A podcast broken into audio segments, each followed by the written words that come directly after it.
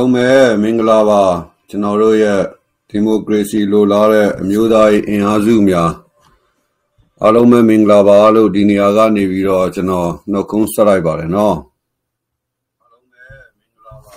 ဒီနေ့တော့ကျွန်တော်ဒီကျွန်တော်တို့မနေ့ကသတင်းစာရှင်းလင်းပွဲသတင်းစာရှင်းလင်းပွဲကနော်ဒီပြန်ကြားရေးဌာနကနေပြီးတော့ထုတ်ပြန်တဲ့ဒီသတင်းလေးတွေကိုကြည့်ပြီးတော့ ကျွန်တော်တို့တိုင်းပြည်နဲ့ပတ်သက်လို့ဒီသတင်းမီဒီယာလောကတွေရဲ့ပြီးလို့ရှိရင်အမေရိကန်ခေါင်းဆောင်နဲ့အနောက်အုပ်စုနိုင်ငံတွေကနေပြီးတော့နော်ဖွဲ့စည်းထားတဲ့ NGO အဖွဲ့အစည်းတွေဟုတ်လားနိုင်ငံတကာဆိုင်ရာရပ်ဖက်လူမှုအဖွဲ့အစည်းတွေအာဒီအဖွဲ့အစည်းတွေကနေပြီးတော့ဆောင်ရွက်နေတဲ့လှုပ်ဆောင်မှုတွေထုတ်ပြန်နေတဲ့ဒီ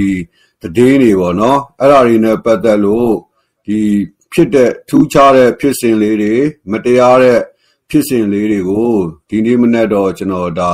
ကျွန်တော်တို့ရဲ့ဒီမိုကရေစီလိုလားတဲ့အမျိုးသားရေးအင်အားစုတွေနဲ့နော်တယောက်နဲ့တယောက်နဲ့အပြန်အလှန်အာဘူးတုဒနေတိထားလေးတွေကိုဒါဟိုနေဆွေးနွေးဖို့အတွက်ပေါ့နော်ဒီနေ့ဒါစကားဝိုင်းကအဲ့တော့ကျွန်တော်တို့ရဲ့အလုပ်ကလည်းဟိုနေ များများကြီးကျွန်တော်တို့မလုံနိုင်ဘူးတိုင်းပြည်အတွက်เนาะကျွန်တော်တို့သိထားတဲ့သတင်းမှန်လို့ထင်တဲ့ဟာတွေအာပြည်သူလူထုကိုအတိပေးဖို့လိုအပ်တယ်လို့ထင်တဲ့ဟာတွေကိုကျွန်တော်တို့အနေနဲ့เนาะနေအားရင်အားသလိုကြုံရင်ကြုံသလိုဒါကျွန်တော်တို့ရဲ့ပြည်သူလူထုနဲ့ဒါဟိုနင်းဖြစ်တာပေါ့ဟုတ်လားနေမျှဝေတာအဲ့တော့ကျွန်တော်တို့ဒီ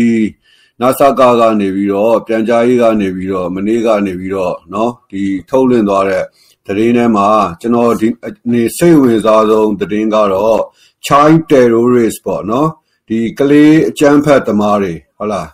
အာဒီကလေးအကြမ်းဖက်သမားတွေအကြောင်းကိုဒီနေ့ကျွန်တော်ကနည်းနည်းဆွေးနွေးနေတာเนาะအဲ့တော့ဆွေးနွေးခြင်းနဲ့ဆိုတဲ့အခါကျတော့ဒီပြန်ကြားရေးဌာနကနေပြီးတော့ထုံးလင်းသွားတဲ့ဒီတည်င်းလေးကိုပဲကျွန်တော်တို့အရင်ဆုံးနားထောင်ကြည့်လိုက်ပါเนาะနားထောင်ကြည့်ပြီးတော့မှဆက်ပြီးတော့ပြောကြတာပေါ့ဒီအပေါ်မှာအခြေခံပြီးတော့ ဆက်သွယ်ရေးကောင်းပါတယ်အဓိကကပြစ်မှတ်ဆောင်ရွက်တာတွေ့ရပါတယ်အပတ်ငယ်တွေပြီးကလေးငယ်တွေကိုရာဇဝတ်မှုကြီးတွေကျူးလွန်အောင်တွေးတိုးဖို့ဆိုစီကိုင်းဆောင်ရွက်နေတာကိုလည်းတွေ့ရပါတယ်။ရပ်ကွက်အောင်ချုပ်မှုတွေတွေကိုဗစ်ဆက်ကိုတွေးတိုးနိုင်လို့သိရနေတာတွေကိုပြစ်ကတ်တိုက်ခဲ့တဲ့ဒီဒီကအကြမ်းဖက်အဖွဲ့တွေကတစ်ဖက်ဖြစ်တဲ့အထုံးမှုပဲဒီကြောင့်အိုင်နာဖို့ဆိုတဲ့အဖွဲ့ကရောရောက်ပြီးကလေးငယ်များကိုကလေးငယ်များ ရေလုံးသုံးပတ်တာဖြစ်ဝိရစေနာသုံးပတ်တွေရှိခဲ့ပါတယ်သူတို့ကို online ဘဝကနေကြောက်တင်နေပြီးအပြစ်မဲ့ပြီးသူကိုတပ်ဖြတ်ပေးခဲ့သူတို့အနေနဲ့ကတော့သူတို့တောက်ခဲ့တဲ့ဒီကသူတို့ဆွဆွဲနေတဲ့နာဟုတ်ဖို့ဆိုတာကဘာလို့လဲသူတို့ကိုစီလုံးကလည်းစင်းတင်တက်ရမယ်ဆိုပြီးစီလုံးရပါ NUG ကအကြမ်းဖက်သမား အောက်တာဆိုရင်ကိုယ့်ရဲ့စကားတွေအတိုင်းသိပြီးသွားလို့ပြည့်ဖြစ်ပါဒါပေမဲ့လက်ပြမှာတော့လူတက်တဲ့အလုပ်ရုပ်နေရတက်ရမယ်ဒီအရွယ်ပြောင်းတဲ့ကလေးငယ်တွေပြုမှုကိုပြုလုပ်ခဲ့ဘာတွေဆောင်ရွက်ခဲ့တယ်ဆိုတာကိုကိုယ့်ရဲ့ပြောဆိုချက်တွေမသိကြပါဘူးပါမယ်ကိုယ့်ရဲ့ပြောဆိုချက်တွေကိုအားဆောင်ကြည့်ကိုယ့်ရဲ့မျက်နှာအမူအရာတွေကိုပြောရပါတယ်အားဆောင်ကြည့်ရင်ဒီအခြေအနေတွေဘောပေါက်နိုင်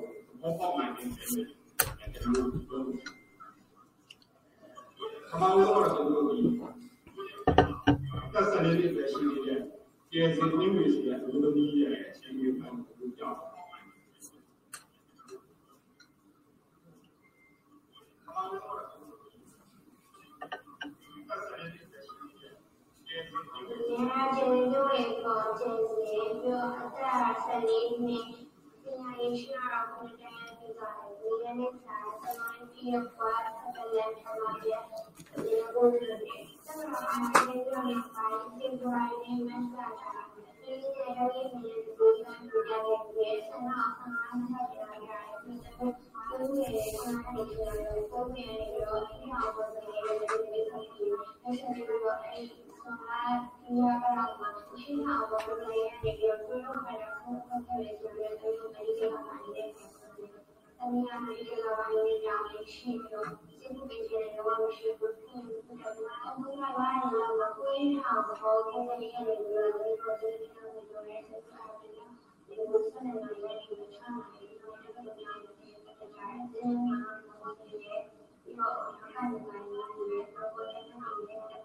ော လို့ခမောင်းတော့ကျွန်တော်တို့တက်စနေလေးပဲရှိနေတယ်ကျေစင်နေမျိုးရှိတဲ့လူသမီးရဲ့အခြေအနေကိုပြောကြအောင်ဒီမှာကျွန်တော်တို့ရဲ့ပေါ်ကျင်းစီပြောအသက်ဆက်လေးနှစ်ပညာရေးရှိအောင်ကိုယ်တိုင်ဒီကနေ့နေ့စားသမိုင်းပြည့်ပွားတဲ့လက်ထမပြဒီလိုမျိုးတွေကျွန်တော်အားဖြင့်ပြောနေပါတယ်ဒီလိုရင်းမှန်းစားတာဒီလိုရင်းမြစ်ကိုယ်တိုင်ကြည့်ရတဲ့ဆန္ဒအမှန်နဲ့ကြားရတယ်ဒီလိုမျိုးတွေဆန္ဒတွေပုံနေရောဒီအောင်ပုံနေရောဒီလိုမျိုးတွေအဲ့ဒါတွေအဲ့ဆန္ဒဒီရတာမှာရှင်းအောင်ပုံနေရတယ်ဒီလိုမျိုးခါရအောင်ပုံနေရတယ်ဒီလိုမျိုးအဲ့ဒီမှာပါတယ်အမေကလည်းဒီလိုပါနေကြတယ်ရှိတော့စိတ်ကြည်ကြတယ်တော့မရှိဘူးအမေကလည်းလာတော့ကိုယ်ဟာဘောကိုယ်နဲ့ရတယ်လို့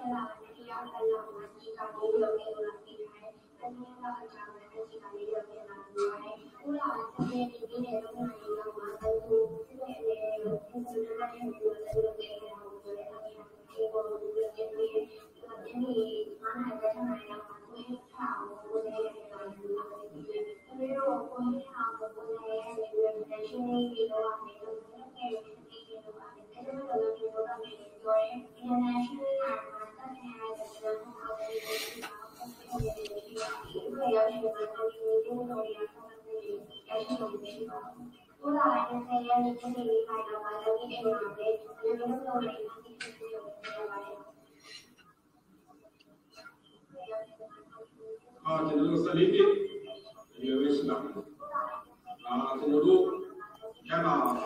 ဒါကတော့ ဒီကလေးသူငယ်တွေနော်ကလေးသူငယ်တွေဟာဒီနေ့ကျွန်တော်တို့မြန်မာနိုင်ငံမှာကျွန်တော်တို့တိုင်းပြည်မှာဟုတ်လားအကျန်းဖက်လုပ်ငန်းတွေကိုဒါဟိုနေလှုပ်ဆောင်နေတယ်ဆိုတဲ့ဟာကကျွန်တော်တို့အာဓာတ်ပုံတွေနော်ဗီဒီယိုဖိုင်တွေဟုတ်လားကျွန်တော်တို့ရဲ့ဒီ Facebook နဲ့ Internet နော် online လောကမှာနော်အများကြီးပဲကျွန်တော်တို့ဒါတွေကိုကျွန်တော်တို့တွေအနေနဲ့က တောက်လျှောက်เนาะတွေ့နေရတာဖြစ်ပါတယ်ကျွန်တော်တို့ဒီဆန္ဒပြပွဲတွေမှာကအစဟုတ်လားဒီဟိုနေဒီဒီမိကုစကားပြောတာတွေเนาะကလေးလေးတွေ9နှစ်6နှစ်เนาะ9နှစ်သားလေးတွေကိုဟုတ်လားလမ်းပေါ်မှာအာတင်ပြီးတော့เนาะဟိုသူတို့ဘာတစ်ခုမှ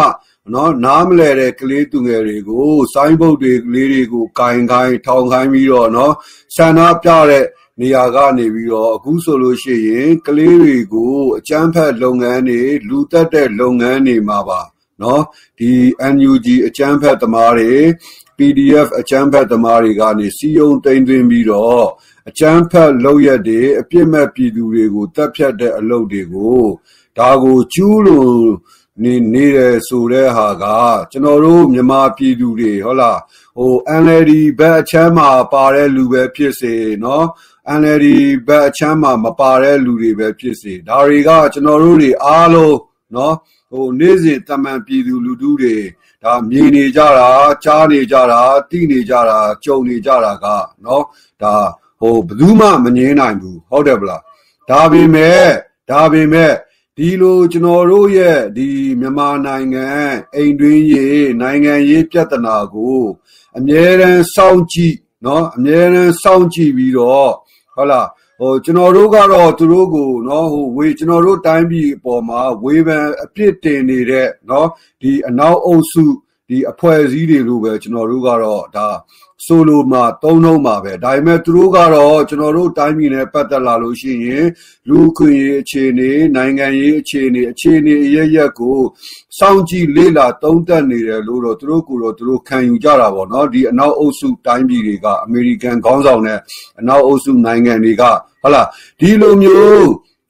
ငွေရေးကြေးရေးအလုံးအင်းနဲ့တကယ်အင်အားကြီးတိုင်းပြည်တွေကနေပြီးတော့ အယောင်ဆောင်ဖွဲ့စည်းထားတဲ့ဒီထောင်လန်းရေးအဖွဲ့အစည်းတွေကကျွန်တော်တို့တိုင်းပြည်မှာဘာတွေကိုဖြစ်ပျက်နေလဲဘာတွေဖြစ်နေလဲဆိုတာသူတို့အနေနဲ့เนาะအခြေအနေမှန်အဖြစ်ပျက်မှန်ကိုမသိစရာအကြောင်းလုံးဝမရှိဘူးဟုတ်လားအဲ့လိုမျိုးပဲသူတို့တွေကနေပြီးတော့ထောက်ပံ့ပြီးတော့ပတ်စံပေးထားတဲ့เนาะထောက်ပံ့ပြီးတော့ပတ်စံပေးပြီးတော့ဖွဲ့စည်းထားတဲ့ဒီမီဒီညာအဖွဲ့အစည်းတွေဖြစ်တဲ့เนาะ ARD တို့ BBC မြန်မာပိုင်းတို့ RFA တို့နော်မီဇီမာတို့မြန်မာနောင်တို့ဒါဒီလိုအဖွဲ့အစည်းတွေက DVB တို့နော်ဒီလိုမီဒီညာအဖွဲ့အစည်းတွေကလည်းနော်ဒီလိုမျိုးတိုင်းပြည်မှာဖြစ်နေတဲ့အခြေအနေမှန်အကြောင်းရင်းမှန်ကိုဟုတ်လားဦးနေမသိဘူးဆိုတာလုံးဝ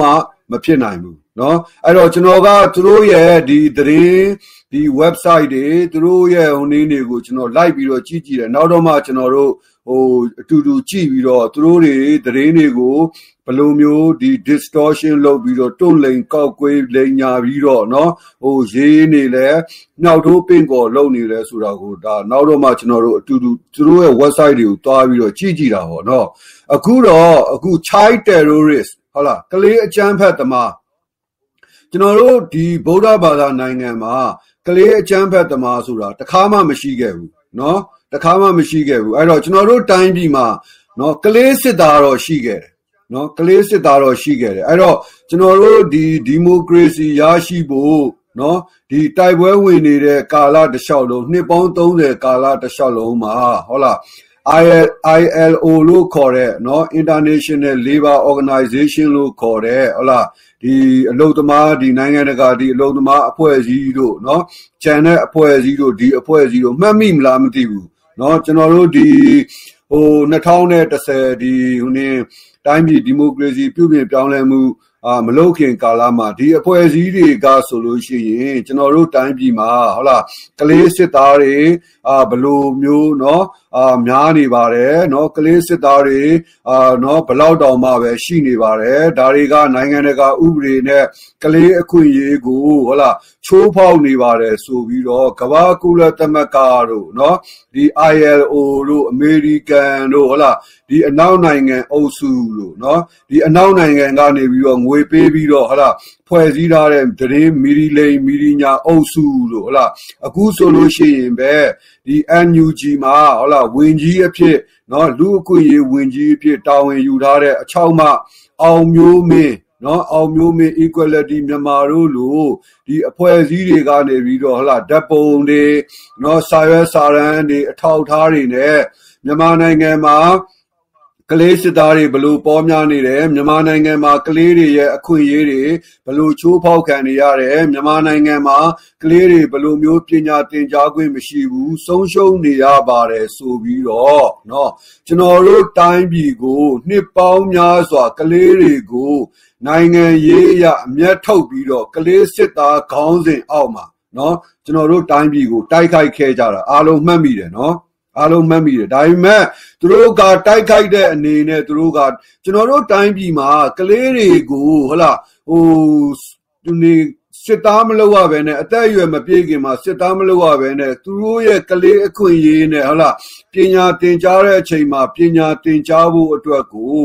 နော်ဟိုစေနာမန်မန်နဲ့ ဝေဖန်ထောက်ပြတယ်ဆိုလို့ဒါကိုကျွန်တော်တို့ကအမြဲတမ်း welcome ပဲเนาะကျွန်တော်တို့ကိုယ်တိုင်လည်းကလေးစစ်သားတွေတိုင်းပြည်မှာရှိတာကိုမမြင်ချင်ဘူးเนาะဒါအဲ့လိုမျိုးသူတို့လုပ်ခဲ့တဲ့အချိန်မှာစေနာမန်ဒီဖြစ်စေအာတိုက်ခိုက်ခြင်းလို့ပဲဖြစ်စေကလေးစစ်သားခေါင်းစဉ်အောက်မှာကျွန်တော်တို့တိုင်းပြည်ကိုနှစ်ပေါင်းများစွာနော်နှစ်ပေါင်းများစွာနော်တိုက်ခိုက်ခဲ့တယ်ဒါပေမဲ့အဲ့ဒီအချိန်မှာနော်ဒီစစ်အစိုးရလုပ်တဲ့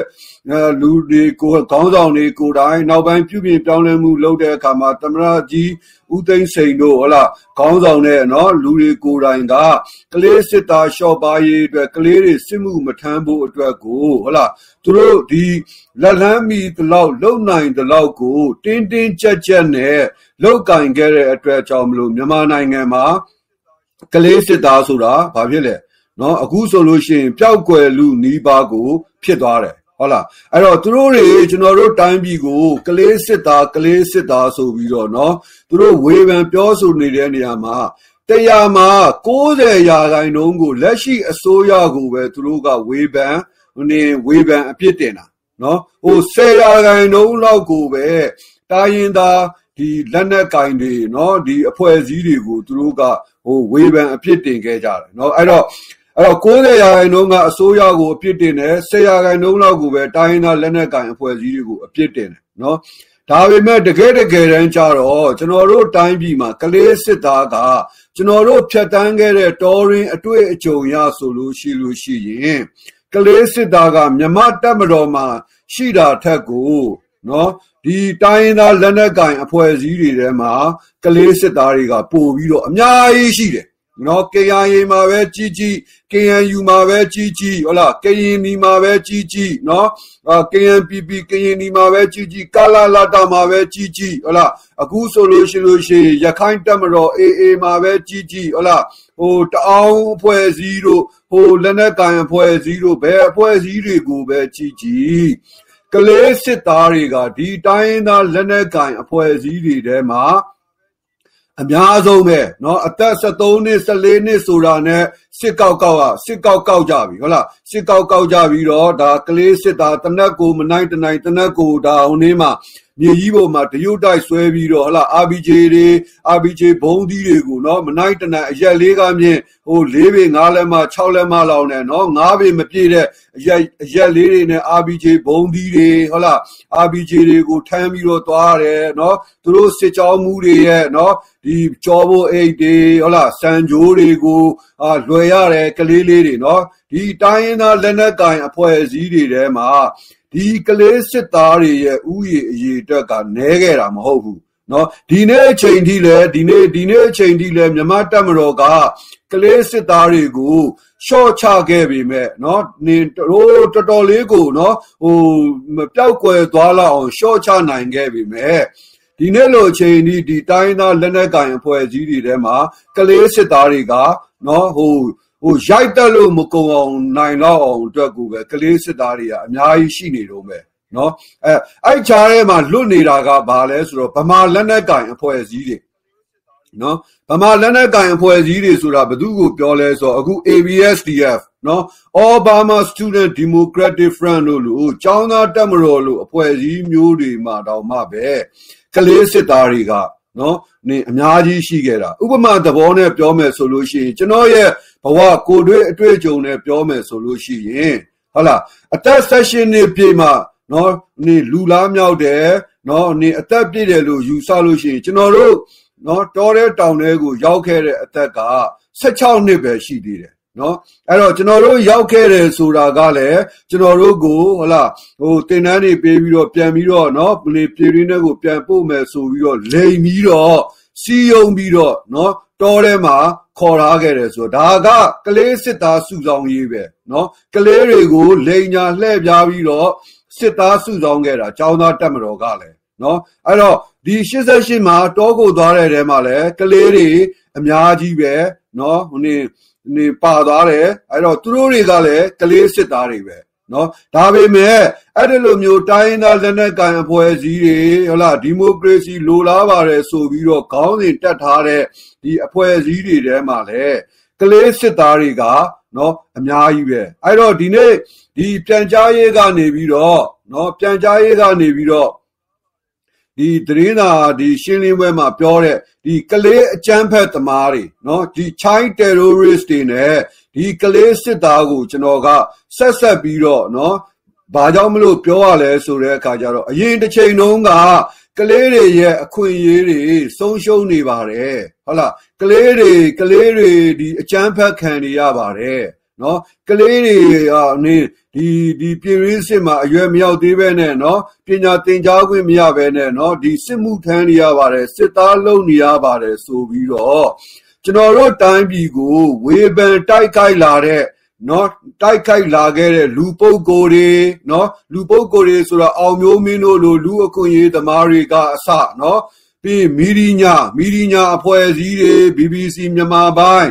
RFA မြန်မာပိုင်းเนาะ VOA မြန်မာပိုင်း DVB ARD เนาะမစ္စည်းမဒီလိုမျိုးမီဒီညာအဖွဲ့အစည်းတွေရဲ့ ကဘာကုလသမဂ္ဂလို့နော်လူအခွင့်အရေးကောင်စီတို့လို့နော်ပြီးလို့ရှိရင် UNESCO တို့လို့မိခင်နဲ့ကလေးချမ်းမာရေးဦးနဲ့အဖွဲ့အစည်းတွေအလုံသမားအဖွဲ့အစည်းတွေနော်ဒီလိုမျိုးကဘာကုလသမဂ္ဂမှာရှိတဲ့အဖွဲ့အစည်းတွေကိုယ်တိုင်က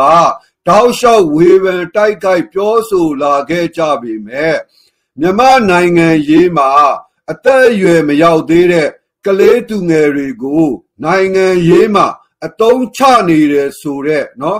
အကြောင်းကိုတော့သူတို့ကတလုံးတဘာသားမှဒီနေ့အချိန်ထိเนาะထုတ်ဖော်ပြောဆိုခြင်းကန့်ကွက်ခြင်းရှုံချခြင်းမရှိဘူးเนาะ၄နှစ်သား၅နှစ်သားလေးတွေကို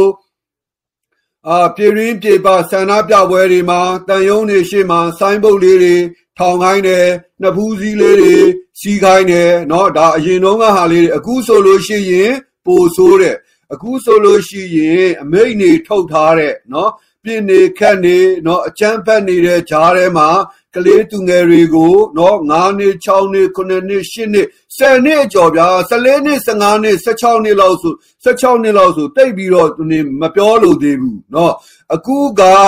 ဒီ10နှစ်အရွယ်နော်10နှစ်အောက်ကလေးသူငယ်လေးတွေကို နိုင်ငံရေးကိုလည်းနားမလဲဘာကိုမှနားမလဲကျွန်တော်တို့ light တွေမှာလည်းတောက်လျှောက်ကျွန်တော်တို့ခဏခဏနော်ပြောလာခဲ့ပြီးသားဒီလိုနားမလဲတဲ့ဘာတစ်ခုမှနားမလဲတဲ့ကလေးကလေးသူငယ်လေးတွေကိုတကယ်ဟိုနေဆိုင်းဘုတ်တွေနှစ်ဖူးစီးတွေကကင်ပြီးတော့ဟလာအမေပြန်လာမှចောင်းတက်မယ်ဟလာအာစနေစစ်စစ်ခွေးမင်းအွန်လိုင်းအလိုမရှိဟလာဆီအာနာရှင်အလိုမရှိဆိုတဲ့ဆိုင်းဘုတ်လေးတွေကိုကင်ပြီးတော့ ကလေးလေးတွေကိုလမ်းပေါ်မှာတင်ပြီးတော့ဒီကလေးလေးတွေကတိုင်းပြည်မှာဒီမိုကရေစီနဲ့လူ့အခွင့်အရေးတောင်းဆိုနေတာဆီအာနာရှင်စနစ်ကိုစန့်ကျင်ရေးတိုက်ပွဲဝင်နေတာနိုင်ငံကိုပြုပြင်ပြောင်းလဲမဲ့ခေါင်းဆောင်တွေသူရဲကောင်းတွေအဖြစ်ကိုနော်ဒီအမေရိကန်ခေါင်းဆောင်တဲ့အနောက်အုပ်စုတွေ ကုလသမဂ္ဂကလူအခွင့်အရေးနော်ဒီဒီကော်မရှင်ဒီအဖွဲ့အစည်းလိုမျိုးနော်အနေဟာတွေ UNESCO တို့လိုနော်ပြီး ILO တို့လိုပြီးလို့ရှိရင်ဒီ NGO တွေအခြား NGO တွေသူတို့ဖွဲ့ထားတဲ့ NGO တွေကအစားနော်မျက်ကွယ်ပြုယုံနေမဟုတ်ဘူးဒီကလေးတွေကိုမြမနိုင်ငံရေးကိုမြမနိုင်ငံရေးပြဿနာပဏိပကကိုဖြေရှင်းပေးနိုင်တဲ့ သူရဲကောင်းတွေခေါင်းဆောင်တွေအဖြစ်ကိုနော်အတုံးချပြီးတော့နိုင်ငံရေးမှာအတုံးချပြီးတော့သူတို့ရဲ့အကျိုးစီးပွားအတွက်ကလေးတွေကိုလမ်းမော်တင်ပြီးတော့နော်ဒီရုံရင်စံခကြားထဲမှာနော်တားကောင်အဖြစ်အတုံးချနေတယ်စန့်ကျင်ဖို့နေနေတာတာနော်စန့်ကျင်ဖို့နေနေတာတာတားကောင်အဖြစ်ဒီကလေးတွေကိုမြမနိုင်ငံရေးမှာအတုံးချပြီးတော့ကလေးတွေကို တေရင်းတွေကိုပို့နေကြတယ်အဲ့လိုတေရင်းတွေကိုပို့နေကြတာကိုဒီသူတို့ပတ်စံပေးပြီးတော့ဖွဲ့စည်းတည်ထောင်ထားတဲ့မီဒီညာတွေကနေပြီးတော့ဟုတ်လားတလုံးတဘာသားမှနော်မပြောဘဲနဲ့ဒီကလေးတွေဒီလိုမျိုးဆန္ဒပြကပြတာကပဲမနေတကယ်ဟိုမှန်ကန်တဲ့နော်လှုပ်ရက်သူရဲကောင်းဆန်တဲ့လှုပ်ရက်တကယ်တိုင်းပြည်အတွက်အနစ်နာခံနေကြတယ်ဆိုတဲ့လှုပ်ရက်ပုံစံမျိုး ဖန်တီးပြောဆိုနေကြတာတွေဟာကျွန်တော်တို့ရဲ့ဒီအင်တာနက်လောကဒီအနောက်နိုင်ငံသူတို့ရဲ့အဖွဲ့အစည်းအကြားတွေလောကမှာမမြင်ခြင်းအဆုံးဖြစ်နေတယ်မမြင်ခြင်းအဆုံးဖြစ်နေတယ်နော်အဲ့တော့ဒီနေ့အခုကလေးတွေကိုအတုံးချပြီးတော့နိုင်ငံရေးမှာစန္ဒပြယုံနေမဟုတ်ဘူးနော်နိုင်ငံရေးမှာဒီလိုမျိုးအကြမ်းဖက်မှုတွေလူတက်မှုတွေဘုံခွဲမှုတွေနော်ကိုလှုပ်ဖို့အတွက်ကိုဒီကလေးတွေကို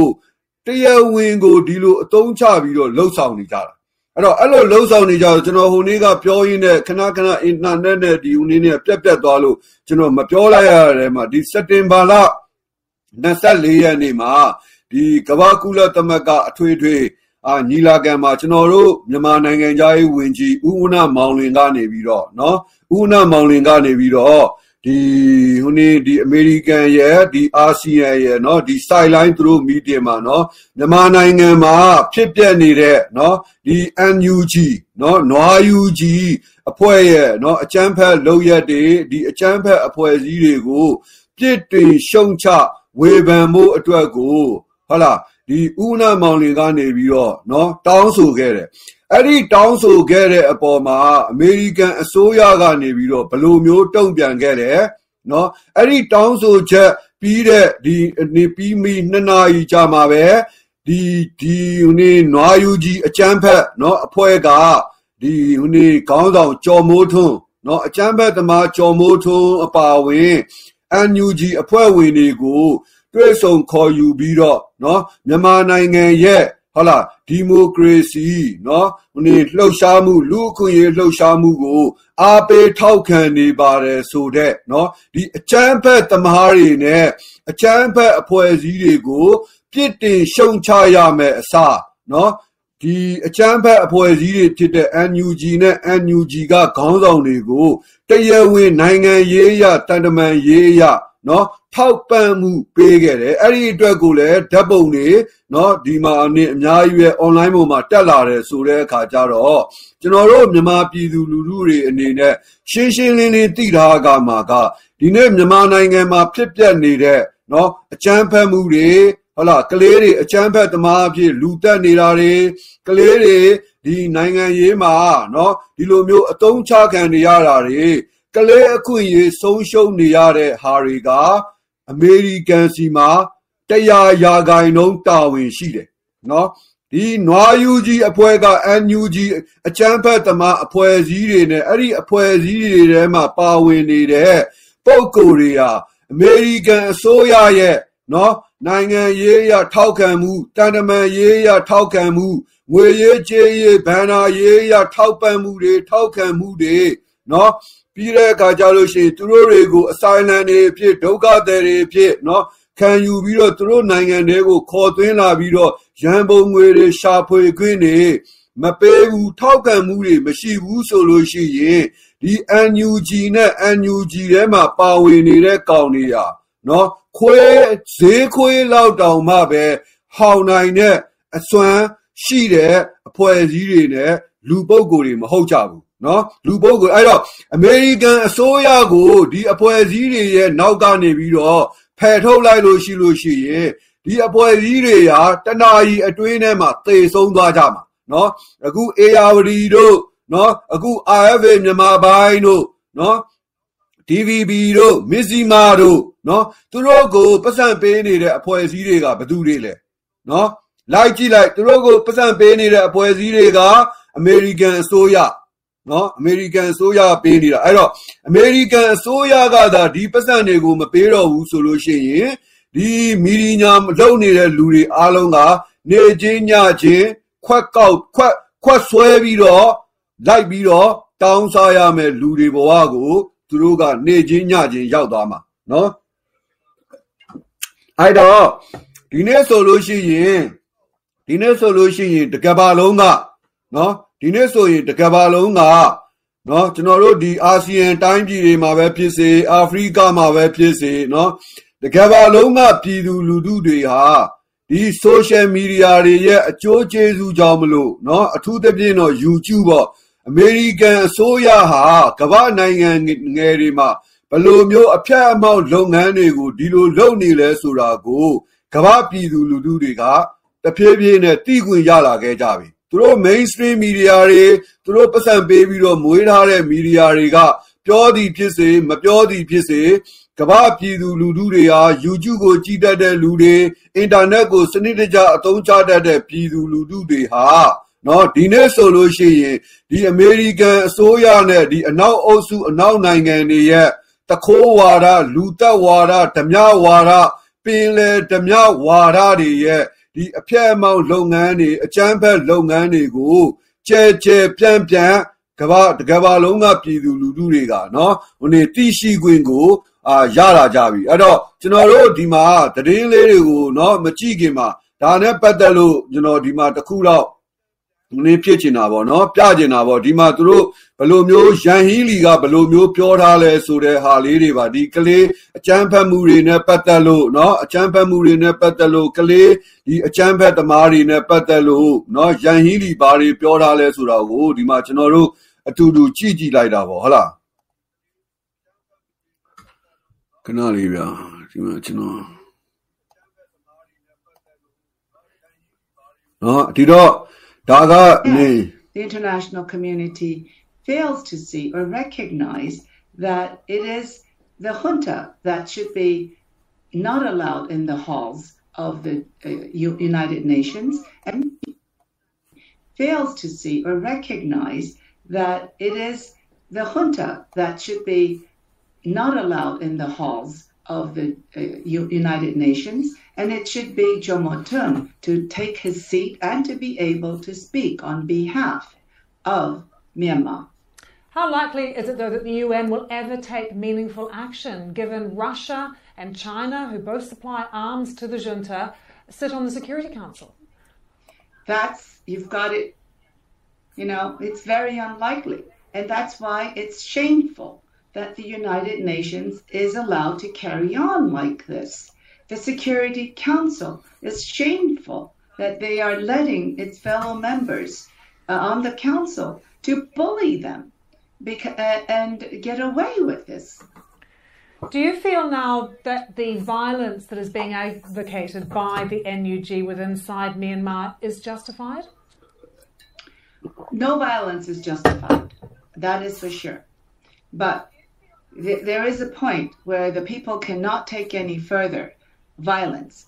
uh, committed against them. And these are horrendous violence. There's going to be a time when people will have to defend themselves and their family, their children. And I think this is what the NUG's declaration was, is a defensive resistance, not a, call for all-out violence. Uh, and yet, the junta is now cutting off more internet access, and also they are piling up bodies. They're putting dynamites and bombs, uh, explosive devices under the dead bodies, and then telling people to go search for your family members. These are really atrocious behaviors that the international community should really condemn.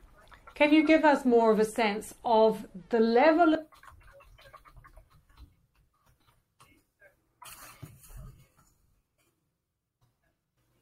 ဒါကရန်ဟင်းလီကနော်ဒီကျွန်တော်တို့တိုင်းပြည်မှာဖြစ်နေတဲ့အကြမ်းဖက်မှုတွေကိုနော်ဒီအခုဒီဟိုနေအစိုးရကိုပဲလက်ရှိအစိုးရကိုပဲပုံချသွားတယ်နော်ဒီလိုအကြမ်းဖက်မှုတွေဖြစ်ဖို့အတွက်ကိုအမေရိကန်ခေါင်းဆောင်တဲ့အနောက်အုပ်စုကုလသမဂ္ဂအခုဒီရန်ဟီလီလီတို့လိုမျိုးနော်အဖွဲ့အစည်းတွေကနေပြီးတော့ မြောက်ထိုးပင်ကောလှုပ်ပြီးတော့လူတွေကို လမ်းပေါ်တက်ပြီးတော့ဆန္ဒပြတယ်အစိုးရဖြုတ်ချရေးလုပ်ငန်းတွေကိုနော်နေလှုပ်ခိုင်းတယ်နော်ဒီလိုမျိုးလှုပ်ခိုင်းတဲ့အတွက်ကြောင့်မလို့နော်နှိမ်နှင်းရတယ်ဆိုတဲ့ဟာကိုထဲ့မပြောဘဲနဲ့ဒီလိုအကြမ်းဖက်သမားတွေဟာဒီလိုမျိုးဒီဒီလိုဖြစ်ပျက်နေတဲ့ပြဿနာတွေအားလုံးကအစိုးရမှာပဲ တာဝန်ရှိတယ်ဆိုပြီးတော့ရန်ဟီလီကပြောသွားပြီးတော့ဒီလမ်းပေါ်မှာတရားခွေးနေ rifle တွေတူမီတွေနဲ့เนาะ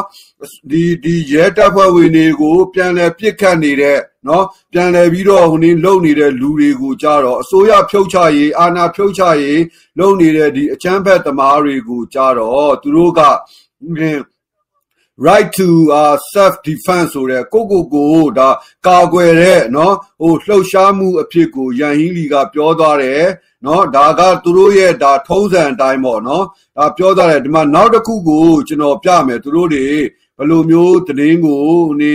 ရေးထားလဲဘယ်လိုမျိုးသူတို့เนาะနေ twist and turn လောက်ထားလဲဆိုတဲ့ဟာကိုဟုတ်လားဒီမှာအခုဆိုလို့ရှိရင်ဒီမှာကြည့်ကြည့်အာဒီကောင်မဟုတ်သေးဘူး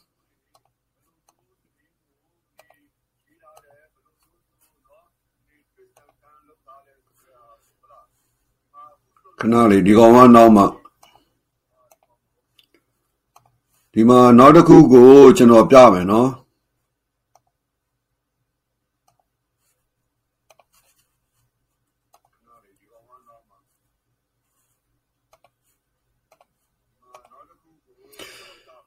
ဒီမှာ special နော် special advisory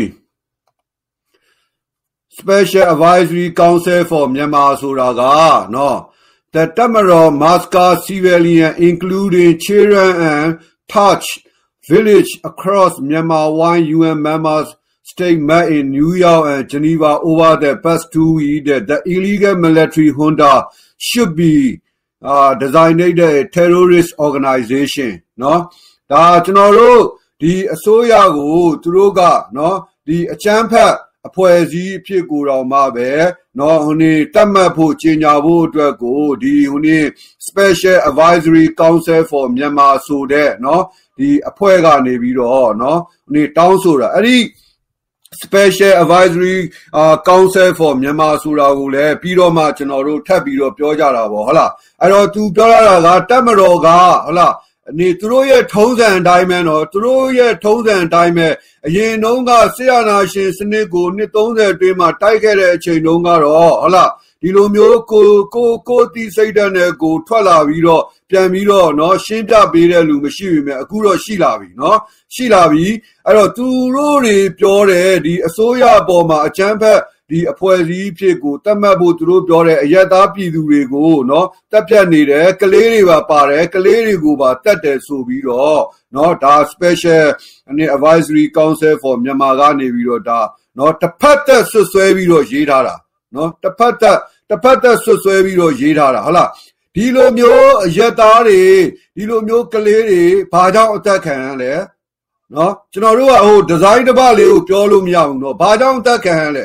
ဘာကြောင့်တက်ခံလဲဆိုတော့အခုအဲ့လို Special Advisory Council for မြန်မာထဲမှာဒီဒီအဖွဲ့ထဲမှာပါနေတဲ့ရန်ဟီလီလို့ CD CIA ပဲထားပါတော့ဗျာနော်ပတ်စံပေးထားတဲ့လူတွေနော်ဒီ American Congress လွှတ်တော်အမတ်ပြုတ်တွေဟိုရာပြုတ်တွေဒီဟာပြုတ်အဟောင်းတွေနဲ့ဖွဲ့ထားတဲ့ဒီအဖွဲ့ကြီးလို့အဖွဲ့တွေက နော်ဒီ NED တို့လို့ USAID တို့လို့အဖွဲ့တွေက US State Department ကနေပြီးတော့နော်ဒီ American Congress ကနေပြီးတော့ငွေပေးပြီးတော့ဒီလိုအလုပ်တွေကိုလုပ်ဖို့အတွက်ဖွဲ့စည်းထားတဲ့အဖွဲ့အစည်းတွေကနေပြီးတော့မြောက်ထိုးပင်ကော်လုပ်တယ်ငွေပေးပြီးတော့ဒီလိုမျိုးအရက်သားတွေကိုအချမ်းဖက်သမားတွေဖြစ်အောင်ကလေးတွေကိုအချမ်းဖက်သမားတွေဖြစ်အောင်လမ်းမော်ကိုတင်ပြီးတော့တနက်ကောင်းကောင်းလဲပေးတာမဟုတ်ဘူးနော် တနက်ကောင်းကောင်းလက်နက်ကောင်းကောင်းလဲပေးပြီးတော့ဒီလူတွေကိုတိုက်ခိုင်းတာမဟုတ်ဘူးတူမီလေးတွေနဲ့တိုက်ခိုင်းနေတာဒီဒီမိုက်ရိုင်းနဲ့နော်အမေရိကန်အစိုးရနဲ့အနောက်အုပ်စုကဘလောက်မိုက်ရိုင်းလဲမမိုက်ရိုင်းလဲဆိုတာအဲ့ဒီအဲ့ဒီအထဲထဲမှာပါနေတဲ့ဒီလူငယ်လေးတွေကကလေးတွေကိုမပြောဘူးဒီလူငယ်လေးတွေကတော်တော်တော့အသိဉာဏ်အသိတရားမရှိတဲ့အတွက်ကြောင့်ပဲ နော်သူတို့တွေသူတို့တွေယုံကြည်နေတဲ့တော်လန်ရေးကိုဒီအမေရိကန်နဲ့အမေရိကန်ကနေပြီးတော့လက်နက်ကောင်းကောင်းတွေတော့ပေးပြီးတော့တိုက်ခိုင်းတာမဟုတ်ဘူးတူမီလေးတွေနဲ့တိုက်ခိုင်းတာလက်နက်ကောင်းကောင်းနဲ့ပေးပြီးတော့တိုက်ခိုင်းလို့ရှိရင်နံပါတ်1ခြေရခံလိုက်ရင်ဒီလက်နက်တွေကို ထောက်ပံ့နေတာပံ့ပိုးပေးနေတာအမေရိကန်ဖြစ်တယ်ဆိုတာတကဘာလုံးသိမယ် နံပါတ်2တစ်ချိန်ဒီကောင်တွေဒီအဖွဲ့အစည်းတွေကအမေရိကန်ကိုမကျင်တဲ့လို့နောက်အစိုးရကိုမကျင်တဲ့လို့ဒီအာဖဂန်တို့အရှေ့လေပိုင်းတို့မှာလို့တနက်ပြောင်းနေသူတို့ဘက်ကိုလှဲ့လို့ရှိလို့ရှိရင်နော်သူတို့ကိုရှုကိုပြန်ပတ်မှစိုးတဲ့အတွက်ကြောင့်မလို့ဒီ NUG တို့ PDF တို့ကိုဒီလိုမျိုးလက်နက်ကောင်းကောင်းတွေတောင်ပေးပြီးတော့အမေရိကန်ကမတိုက်ခိုင်းဘူးတူမီတွေနဲ့တိုက်ခိုင်းနေတာ တူမီတွေနဲ့လှူထားတဲ့ပတ်စံဒေါ်လာသိန်းပေါင်းဒီပြေပမှာရောက်နေတဲ့မြန်မာပြည်သူတွေလှူထားတဲ့ဒေါ်လာသိန်းပေါင်းများစွာကလည်းဆူရှိဆိုင်ဝယ်တဲ့ထဲတွေမှာရောက်ကုန်တယ်ရီမွန်တို့ညထွက်ပြီးတော့အရက်တောက်ပြီးတော့နော်ဟိုပတ်စံနေပတ်စံနေဘတ်ငွေ9သိန်းတို့10သိန်းတို့နဲ့လိုက်ရွေးရတဲ့ထဲမှာတွေရောက်ကုန်တယ် ဒီ UNG မှာဝင်ကြီးတွေဖြစ်တဲ့လူတွေဒီမြန်မာပြေပရောက်နေတဲ့နော်သူတို့ကတော့ယုံကြည်လို့လှူလိုက်တဲ့ပတ်စံနေနဲ့နော်လှူထားတဲ့ပတ်စံတွေဟာတခိုးတခိုးတွေလက်ထဲမှာအကုန်လုံးနော်နင်ဘုံချင်းကိုခံလိုက်ရတဲ့နော်ဘုံချင်းကိုခံလိုက်ရတဲ့ဟာကို ရောက်ကုန်တဲ့ရောက်ကုန်တဲ့အတက်ကြောင့်မလို့ရောက်ရောက်ရောက်ရောက်ကုန်ကြတာပေါ့ဗျာပြောရလို့ရှိလို့ရှိရင်ဟုတ်လားအဲ့တော့နေကျွန်တော်တို့က ဒီမှာဘာဘာကိုနေပြောကျင်လဲဆိုတဲ့အခါကျတော့ဒီဒီလိုမျိုးအနောက်အုပ်စုတွေအနောက်နိုင်ငံတွေကနေပြီးတော့ဒီလိုအကြမ်းဖက်လုပ်ငန်းတွေကိုလုပ်ခိုင်းတဲ့အတွက်ကြောင့်မလို့အစိုးရကနေပြီးတော့နှိမ်နှင်းတဲ့အတွက်နှိမ်ကုတ်တဲ့အတွက်ကြောင့်မလို့နော်နေတေချေပျက်စီးရပါတယ်ဆိုတာကိုမပြောဘဲနဲ့ဟုတ်လားကျွန်တော်တို့အစိုးရကပဲဒီအရက်သားပြည်သူတွေကို ဟိုအကြောင်းမရှိအကြောင်းရှာပြီးတော့เนาะဟိုပြစ်တတ်နေတယ်လို့မျိုးဟုတ်လားအကြမ်းဖက်နေတယ်လို့မျိုးပြောတာကတော့ဒါဟိုအတိတရားရှိတဲ့เนาะလူသားတိုင်းဆိုလို့ရှိရင်ပြဿနာရဲ့အရင်းမြစ်တစ်စုံလုံးကိုဟုတ်လားကြည့်ပြီးလို့ရှိလို့ရှိရင်ကျွန်တော်တို့ကနားလည်လို့ရတယ်เนาะနားလည်နိုင်ကြတယ်အဲ့တော့ ကဘာမှာဒီအနောက်အုပ်စုနိုင်ငံတွေနဲ့သူတို့ရဲ့မီဒီယာတွေသူတို့ရဲ့အရက်ဖက်အဖွဲ့အစည်းတွေကအာကျွန်တော်တို့ရဲ့တိုင်းပြည်အပေါ်မှာဘလိုမျိုးနော်မှားရင်းတဲ့သတင်းတွေဆွဆွဲချက်တွေနဲ့အဖျက်အမှောက်လုပ်ငန်းတွေကိုဘတ်စုံတောင်းစုံကနေပြီးတော့ဟန်ချက်ညီညီလုပ်နေတယ်ဆိုတဲ့ဟာကိုကျွန်တော်တို့ပြည်သူလူထုတွေနော်ဟို အမြဲတမ်းမမေ့သားဖို့အတွက်ဒီမှာကျွန်တော်တို့တွေကထက်ခါထက်ခါပြောနေရတာဟုတ်လားအဲ့တော့ဒီမှာ special advisory council for မြန်မာကိုကျွန်တော်တို့ကနော်မှပြပြီးတဲ့အခါကျတော့အခုကျွန်တော်ဒီမှာနောက်ထပ်တစ်ခုကိုပြကျင်တဲ့ဟာကတော့နော်နောက်ထပ်တစ်ခုကိုပြကျင်တဲ့ဟာကတော့အဲ့ဒီ special advisory council for မြန်မာကဘသူတွေလဲဘလို့အဖွဲ့အစည်းတွေလဲဆိုတဲ့ဟာကိုဒီမှာကျွန်တော်ဒီမှာပြမယ်နော်အဲ့တော့ ဒီအဖွဲ့အစည်းတွေကဒီအဖွဲ့အစည်းတွေကဗျာပြောရလို့ရှိလို့ရှိရင်ဒီအဖွဲ့အစည်းတွေကပြောရလို့ရှိလို့ရှိရင်เนาะဒီမှာဒီမှာဟိုနေကြည့်ကြည့်ဟဟလား current members of the special advisory council for Myanmar တဲ့နော်အဲ့အဲ့ဒါဒီထဲမှာယန်ဟီလီနော်ယန်ဟီလီက former UN special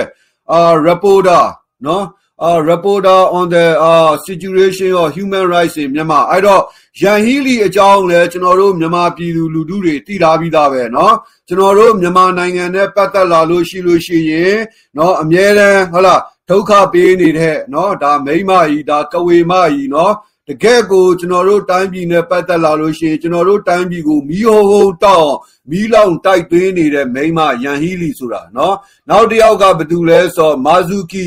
uh Darusam da da Thailand former chair of the UN UN Independent International Fact Finding Mission of Myanmar တဲ့သူတို့ပြောတာကတော့ International Fact Finding ပေါ့နော်ဒီနိုင်ငံတကာဒီဟိုနေသတင်းအချက်အနေနဲ့သတင်းဟိုနေအမှန်အချက်လက်မှန်တွေကိုနော်ဟိုစုံစမ်းစစ်ဆေးတဲ့နော်ထုတ်ဖော်တဲ့ဒါဟိုနေပေါ့ဟုတ်လားအဖွဲ့အစည်းပေါ့ဒါကသူကအဖွဲ့ဝင်ဟောင်းဒီတယောက်ကဘယ်သူလဲဆိုတဲ့အခါကျတော့နော် Chris Sidoti ဟုတ်လား former member of the UN Independent International Fact Finding Mission of Myanmar တဲ့နော်နိုင်ငံတကာအချက်လက်နော်ဒီသတင်းမှန်အချက်လက်ရှာဖွေရေးဒါအဖွဲ့လို့ဒါသူတို့ကနော်ဒါဒီဒီလူ၃ယောက်ကဒီကျွန်တော်ခုနကပြောတယ်နော်မြန်မာအစိုးရကိုအကြမ်းဖက်အဖွဲ့အစည်းဖြစ်သတ်မှတ်ဖို့ UN မှာကိုစားပြုခွင့်မပေးဖို့အတွက်ကိုနော်ဒီတောင်းဆိုတဲ့နော် UN ဟိုနေ ဒီဟိုနေ special advisor နဲ့ advisory council for မြန်မာရဲ့ဒါအဖွဲ့ဝင်တွေနော်အဲ့တော့ဒီအဖွဲ့ဝင်တွေရဲ့ background တွေအကုန်လုံးကเนาะအနောက်အုပ်စုအနောက်နိုင်ငံရဲ့အကျိုးစီးပွားကိုတစ်ဖက်သက်ဆောင်ရွက်နေတဲ့เนาะလူတွေကြီးပဲเนาะအဲ့တော့သူတို့ကဒီမှာပြောတဲ့ international fact finding mission ဆိုတော့เนาะတည်အချက်လက်အမှန်ရှာဖွေဖော်ထုတ်ရေးဒါအဖွဲ့လို့သူတို့ကကြီးကြီးကျယ်ကျယ်ပြောတာဗျာတိလားကြီးကြီးကျယ်ကျယ်ပြောတာ ခင်ဗျားအဲ့လိုမျိုး international fact finding mission ဆိုလို့ရှိရင် American အစိုးရအပါအဝင်သူတို့နောက်အုပ်စုမဟာမိတ်တိုင်းနိုင်ငံတိုင်းပြည်တွေကဘာကြီးမှာအခုလောလောဆယ်ဗျာအာဖဂန်နစ္စတန်မှာဘုံနဲ့ကျဲလိုက်လို့ကလေး၃ယောက်နော်ကလေး၃ယောက်တေသွားတယ်ဟုတ်လားကလေး၃ယောက်တေသွားတဲ့ဒီကိစ္စနော်ကလေး၃ယောက်အနေတေသွားပြီးတော့ပြီးရင်အရက်သားဘယ်နှယောက်လဲ10ယောက်ကျော်တေသွားတဲ့ကိစ္စတွေဟုတ်လား နှစ်20နှစ်20 American စစ်တပ်နဲ့ Australia စစ်တပ်နဲ့ဟုတ်လားဒီ NATO အုပ်စုတွေအာဖဂန်နစ္စတန်မှာနော်ဒီလူမျိုးတုံးတပ်ဖြတ်တဲ့အတွက်ကြောင့်မလို့အာဖဂန်နစ္စတန်အပြစ်မဲ့အာဖဂန်နစ္စတန်အရက်သားပြည်သူ9000 9000တော့ဟိုရခိုင်ပြည်နယ်မှာဟို10ရောက်လောက်ကိုကျွင်းတူးပြီးတော့မြုပ်တက်လိုက်တာကိုမပြောနဲ့9000အာဖဂန်နစ္စတန်မှာတည်သွားတယ် နော်အဲ့လိုတည်သွားတဲ့ဟာတွေကို international fact finding mission ဆိုပြီးတော့ဘယ်ကောင်တွေကနေပြီးတော့စုံစမ်းစစ်ဆေးရဲလဲဘယ်ကောင်တွေစုံစမ်းစစ်ဆေးရဲလဲဘယ်အနောက်အုပ်စုဘယ်အနောက်နိုင်ငံကနေပြီးတော့ဖွဲ့စည်းပေးထားတဲ့မီဒီညာတွေနော်သူတို့ရဲ့ဒီအရက်ဘက်ဒီလူဒီအဖွဲ့အစည်းတွေဒီလိုလူမျိုးတွေယန်ဟီလီတို့လိုဒီလိုမျိုး international fact finding mission မှာဆိုပြီးတော့ပါနေတဲ့ပုံကုမျိုးတွေဘယ်ကောင်တွေကနေပြီးတော့နော်အီရတ်မှာဟုတ်လားနော်နင်း5 million နော်နေပေါင်းတန်းပေါင်းများစွာတည်သွားတဲ့အပြစ်မဲ့အရက်သားပြည်သူလူထုတွေစီးရီးယားမှာအမေရိကန်နဲ့အနောက်အုပ်စုတွေရဲ့လက်ချက်ကြောင့်တည်ဆုံးသွားတဲ့အပြစ်မဲ့အရက်သားပြည်သူလူထုတွေယီမင်မှာတည်သွားတဲ့အပြစ်မဲ့သိန်းသိန်းပေါင်းများစွာတန်းပေါင်းများစွာတည်ဆုံးသွားတဲ့အပြစ်မဲ့အရက်သားပြည်သူလူထုတွေရဲ့နော်အမေရိကန်နဲ့အနောက်အုပ်စုတွေရဲ့အကြမ်းဖက်တပ်ဖြတ်မှုကြောင့် ခိုးဆိုးလူရဲ့တိုက်ခိုက်မှုကြောင့်နော်ဥစ္စာပစ္စည်းဆုံးရှုံးသွားကြတဲ့လူတွေအိုးအိမ်စွန့်ခွာပြီးတော့နိုင်ငံမဲ့ဖြစ်သွားကြတဲ့လူတွေဟုတ်လားအစ္စရေးတွေဂျူးတွေပါလက်စတိုင်းမှာအာရက်တွေကိုတပ်ဖြတ်နေတဲ့ကိစ္စတွေပါလက်စတိုင်းတွေအိုးမဲ့အိမ်မဲ့ဖြစ်နေတဲ့ကိစ္စတွေကိုဘယ်အနောက်အုပ်စုဘယ်နိုင်ငံကနေပြီးတော့ ဘယ်လိုလူတွေကိုခေါင်းဆောင်ခိုင်းပြီးတော့ဒီလိုမျိုး international fact finding mission ဆိုပြီးတော့ဘယ်ကောင်တွေကနေပြီးတော့စုံစမ်းစစ်ဆေးနေလဲဘယ်ကောင်တွေကနေပြီးတော့စုံစမ်းစစ်ဆေးနေလဲကျွန်တော်ပြောတာဟုတ်တယ်မလားအဲ့လိုမျိုးသွားပြီးတော့စုံစမ်းစစ်ဆေးကြည့်ဘာဖြစ်သွားမလဲအကုန်လုံးဒီကောင်တွေအကုန်လုံးခွဲဘဝလုံးလုံးရောက်သွားမယ်အမေရိကန်ကကျွန်တော်တို့ဟိုဒေါ်နယ်ထရန့်လက်ထက်မှာမြင်ခဲ့တဲ့အတိုင်းပဲနော်ဒေါ်နယ်ထရန့်လက်ထက်မှာမြင်ခဲ့တဲ့အတိုင်းပဲ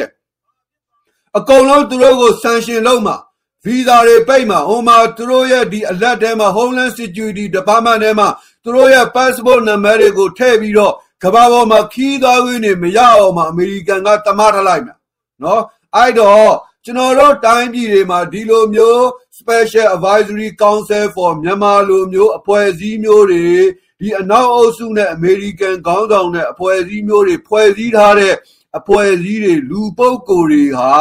ဒီနေ့ကျွန်တော်တို့တိုင်းပြည်မှာဖြစ်ပျက်နေတဲ့ကလေးအချမ်းဖက်သမားတွေပေါ်ပေါက်လာအောင်အချမ်းဖက်သမားတွေပေါ်ပေါက်လာအောင်စေယုံတွေကိုဘုံခွဲအောင်ကျောင်းတွေကိုဘုံခွဲနေတာတွေဖိုးကြီးတွေကိုတတ်နေတာတွေကိုလှုပ်ခိုင်းနေတာတွေကအမေရိကန်ခေါင်းဆောင်နဲ့အမေရိကန်အစိုးရနဲ့ဒီလိုမျိုးအဖွဲ့အစည်းတွေနဲ့သူတို့တွေပတ်စံပေးပြီးတော့ဖွဲ့စည်းခိုင်းထားတဲ့ မီဒီညာအဖွဲ့အစည်းတွေချောင်းဆိုတာကိုကျွန်တော်တို့ဒီမှာပြည်သူလူထုတွေနဲ့မမေ့သွားဖို့အတွက်ကိုဒီမှာကျွန်တော်ကနေပြီးတော့เนาะထက်ခါထက်ခါပြောနေတာထက်ခါထက်ခါပြောနေရတာအဲ့တော့နောက်ထပ်ဟာလေးတစ်ခုကိုကြည့်ကြည့်ပေါ့ဗျာနောက်ထပ်ဟာလေးတစ်ခုကိုကျွန်တော်ထပ်ပြီးတော့ပြမယ်ဟုတ်လားဒါကဟိုနေအဖွဲ့ဝင်တွေဒါပြီးသွားပြီဆိုတဲ့အခါကျတော့နောက်ထပ်ဟာကဘာလဲဆိုတော့ နောက်တဲ့ဟာတစ်ခုကဘာလဲဆိုတော့ဒါဒီပုဂ္ဂိုလ်ပေါ့နောက်တဲ့ဟာတစ်ခုကတော့โอเคကျွန်တော်ခဏလေးထပ်ပြီးတော့ share ပြီးတော့ပြမယ်ကျွန်တော်တို့မြန်မာပြည်သူလူထုတွေလည်းဘယ်ပုဂ္ဂိုလ်တွေကဘလို့လူမျိုးတွေလဲဘာကောင်းတွေကဘသူတွေလဲဆိုတဲ့ဟာကိုသိရအောင်အတွက်ကိုเนาะဒါကျွန်တော်တို့တွေအတူတူကြည့်ကြတာပေါ့ဟုတ်လားအဲ့တော့ဒီကောင်ကဒီကတုံးက UN Special Reporter Tom Tom Amdu ဆိုတာနော် Tom Amdu ဆိုတာဒီကောင်ကကျွန်တော်တို့မြန်မာနိုင်ငံရဲ့နော်လူအခွင့်အရေးနဲ့ပတ်သက်လို့ဟုတ်လားဟိုနေစုံစမ်းစစ်ဆေးဖို့အတွက်ကို သူကနေပြီးတော့ဒါသူ့ကိုနော်ဟိုနေအနေတရားဝင်သူ့ကိုတာဝန်အပ်နှင်းထားတာနော်အဲ့တော့ဒီကောင်ခွေးတောင်သားလူသက်သမားမရိန်းကောင်ပင်လေဓမြနော်ပင်လေဓမြအစိုးရအမေရိကန်အစိုးရဆိုတာ ကဘာပေါ်မှာရှိတဲ့အကြမ်းဖက်သမားတွေအကြမ်းဖက်အဖွဲ့အစည်းတွေကိုဟလာမွေးမြူနော်တင်နန်းပေးနော်အာငွေချေးထောက်ပံ့ပေးခီးတော်လာကွင်းတွေရအောင် passport ထုတ်ပေးနေတဲ့အစိုးရဖြစ်တယ်အမေရိကန်အစိုးရဟာကျွန်တော်တို့မြန်မာပြည်သူလူထုတွေမှတ်ထားကြမှာကပင်လေဓမြအစိုးရနော် pirate တွေဒီကောင်တွေဟာကဘာကြီးပေါ်မှာသမုတ်တရားတွေထဲမှာသူတို့ရဲ့ခင်မီလက်နက် ပစ္စည်းအတက်ပညာတွေနဲ့တင်းမောကြီးတွေစောက်လေရင်တင်တင်းမောကြီးတွေနဲ့ကဘာကြီးရဲ့သမုတ်တရားတွေအကုန်လုံးကိုသူတို့ပိုင်တဲ့သမုတ်တရားတွေအဖြစ်ကိုဒီပင်လယ်ဓမြတွေကတတ်မှတ်ပြီးတော့ကဘာပေါ်မှာရှိတဲ့သမုတ်တရားတွေနဲ့နိုင်ငံငယ်တွေကိုကိုလိုနီလုပ်ဖို့အဖျက်အမှောက်လုပ်ငန်းတွေကိုလုပ်နေတဲ့အစိုးရအမေရိကန်အစိုးရကအဲ့တော့ပင်လယ်ဓမြအစိုးရနိုင်ငံမှာဒီပင်လယ်ဓမြကတုံးတွမ်အန်ဒရူး နော်ဒီကောင်မှတ်ထားတွမ်အန်ဒရူးဆိုတာဒီကောင်ကဘာကောင်လဲဒီကောင်ကပင်လယ်ဓမြအစိုးရကိုကိုစားပြုနေတဲ့ပင်လယ်ဓမြနော်ဒီကောင်ကဘာကောင်လဲဒီကောင်ကအချမ်းဖက်အမေရိကန်အချမ်းဖက်အစိုးရနော်အမေရိကန်အစိုးရဆိုအချမ်းဖက်အစိုးရ state sponsor terrorism အမေရိကန်အစိုးရနဲ့အမေရိကန်ကာချာနိုင်ငံရေးကာချာကို violent ကာချာလို့ခေါ်တယ်နော်အများရန်အကြမ်းဖက်မှုတွေနဲ့ပြည်ရင်းမှာရောပြည်ပမှာရောနော်အများရန်အကြမ်းဖက်မှုတွေနဲ့ပြည်နေတဲ့နိုင်ငံအကြမ်းဖက်မှုတွေကိုအများရန်အားပေးနေတဲ့နိုင်ငံအကြမ်းဖက်သမားတွေကိုအများရန်မွေးမြူစီးရုပ်တင်နှန်းပေးလက်နက်ပေးငွေပေးထောက်ပံ့ပေးပြီးတော့နိုင်ငံရေးတန်တမာရေးဝါရဖြန့်ကြီးရေးနဲ့အကာအကွယ်ပေးနေတဲ့အစိုးရကို အကြမ်းဖက်အစိုးရလို့ခေါ်တယ်အမေရိကန်အစိုးရကိုအဲ့တော့အဲ့ဒီအစိုးရမှာဒီကောင်က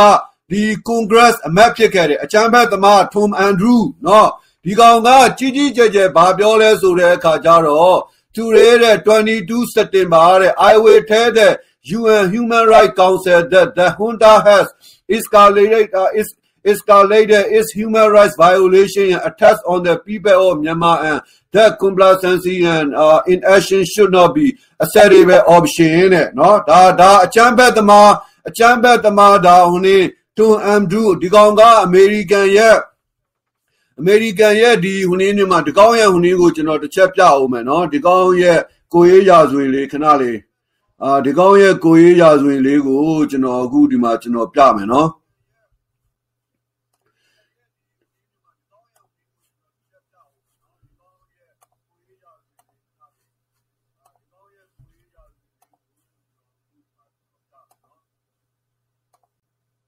ဒါဒီကောင်းရဲ့ကိုရေးရဆိုရင်နော်ဒါဒါဒါကဒီကောင်းရဲ့ကိုရေးရဆိုရင် ဒီကောင်က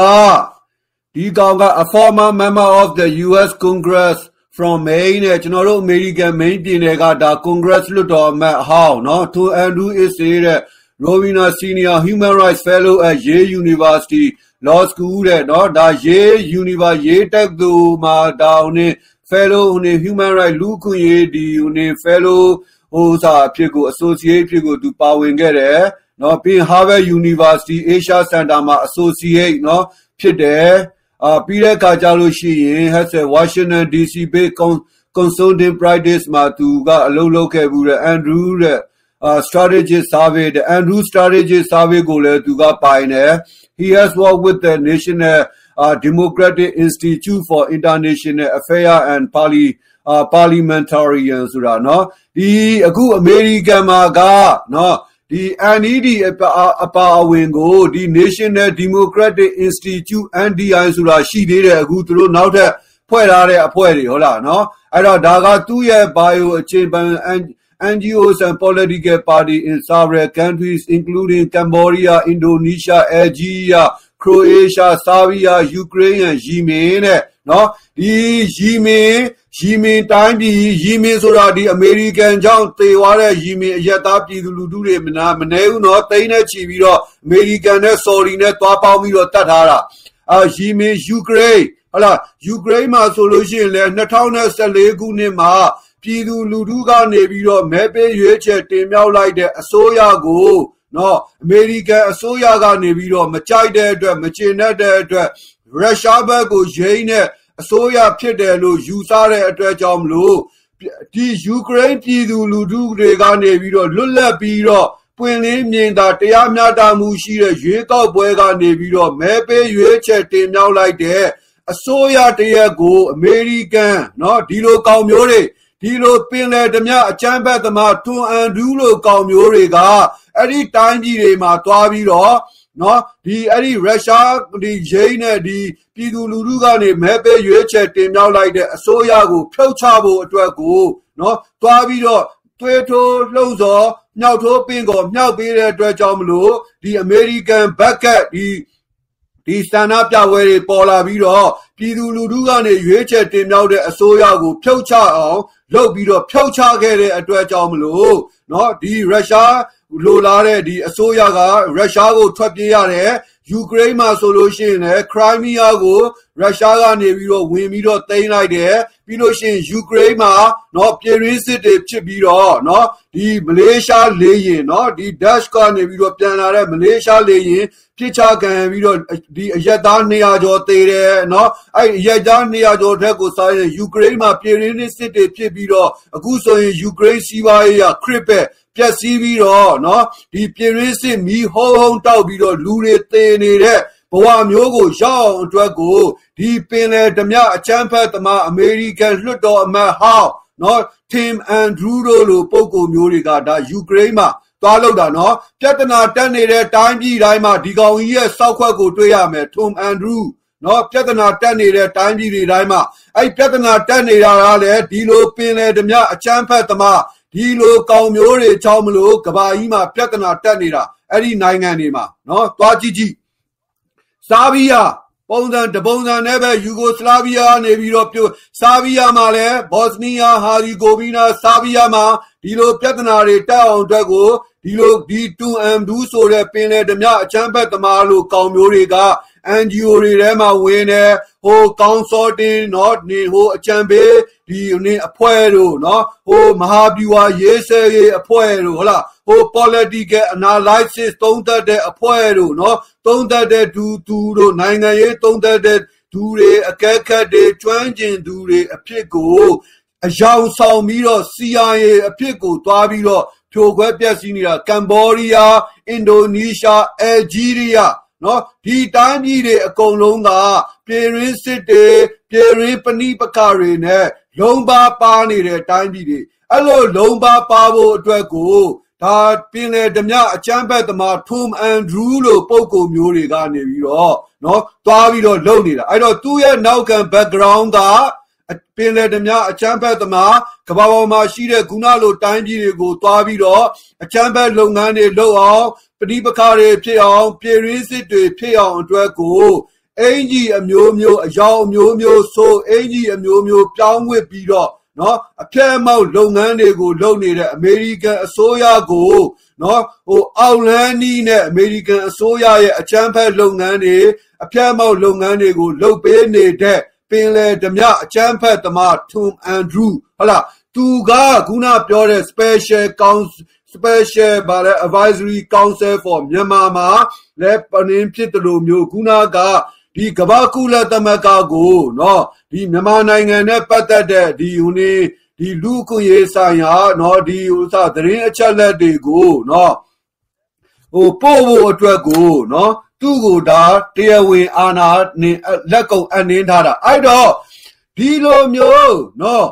တရုတ်နိုင်ငံကိုကွန်တိန်လုပ်ဖို့အတွက်ကိုတရုတ်နိုင်ငံကိုကွန်တိန်လုပ်ဖို့အတွက်ကိုဟုတ်လားတရုတ်နိုင်ငံရဲ့ယင်းနှိမ့်မြုံနှံမှုတွေရှိတဲ့တိုင်းပြည်တွေအားလုံးမှာအမေရိကန်အစိုးရကအပြတ်အမောက်လုပ်ငန်းတွေလိုက်လုပ်နေတဲ့အလုပ်တွေကိုလုပ်ဖို့အတွက်လုပ်နေတဲ့ဟာကိုအားပေးဖို့เนาะနေအကောင့်တွေပေါ်ဖို့အတွက်ဒီလိုပင်လေဓမြထုံအန်ဒူးလို့လူမျိုးကို ကုလသမဂ္ဂလူအခွင့်ရေးကောင်စီမှာမြန်မာနိုင်ငံနဲ့ပတ်သက်လို့လူအခွင့်ရေးဆိုင်ရာအချက်အလက်တွေကိုသူ့ကိုတရင်ပို့ဖို့သူ့ကိုနေစုံစမ်းစစ်ဆေးဖို့အတွက်နော်အထူးတန်မှန်တန်တမန်ဖြစ်တာဝန်ပေးရတယ်ဆိုတော့စဉ်းစားကြည့်ပေါ့ဗျာ